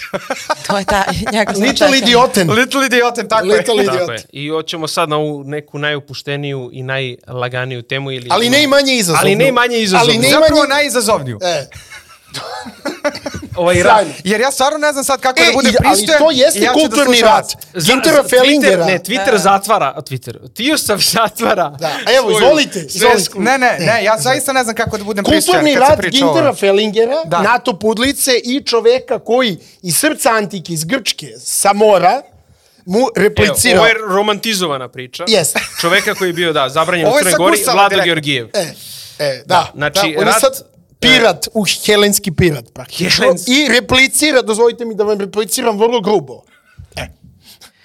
E, ukratko, e, tačka razno, sukob e, Gunter e, Fehlinger i Vlado Georgijev e, na Twitteru, e, koji negde zaokružuje i ovu celu našu priču. Gunter Fehlinger, onaj NATO lobista koji sad poziva na bombardovanje e, Beograda, čovek e, geoposta Botovske farme jedne sa e, teritorije Kosova koja uh, ovako ume često i nas negde da, da spomene. E, sad Vlado Georgijev sa druge strane koji je ušao u sukob sa njim, a, ali opet Vlado Georgijev koji ulazi u sukob i sa da li je zemlja ravna, da li nije ravna, onako z, z, Ne, zanimljivo on voli sukobe, svakako, voli, i da. ove, ali ovde na, na prave strani Ovde istorije. briljira, apsolutno. Ovde, da, slažem se. Sa prave strane zemlje. I- Na Ornjoj. Tačno, tačno, Na tačno. severnom polu, da. E, Kaže, javlja se sa ivice. Izvini. Javlja se se ivice, da, pa e, u principu e, zanimljiv je sukob jer e, Gunter sa jedne strane koga sad e, evo vidimo i u nekim medijima koji su ovde i kod nas i inostranim medijima postaje sve negde važnija ličnost iako smo mislili u početku da taj čovjek ne postoji e, na, Ne, on te kako... Postoji on i tekako postoji. On i tekako postoji i i Andreja je ukazao zapravo se sad na medijima i objašnjava šta treba se imala genijalnu Da. zabelešku da je on zapravo otelovljenje svega onoga što domaći levi liberali, liberali kako god ne smeju da kažu.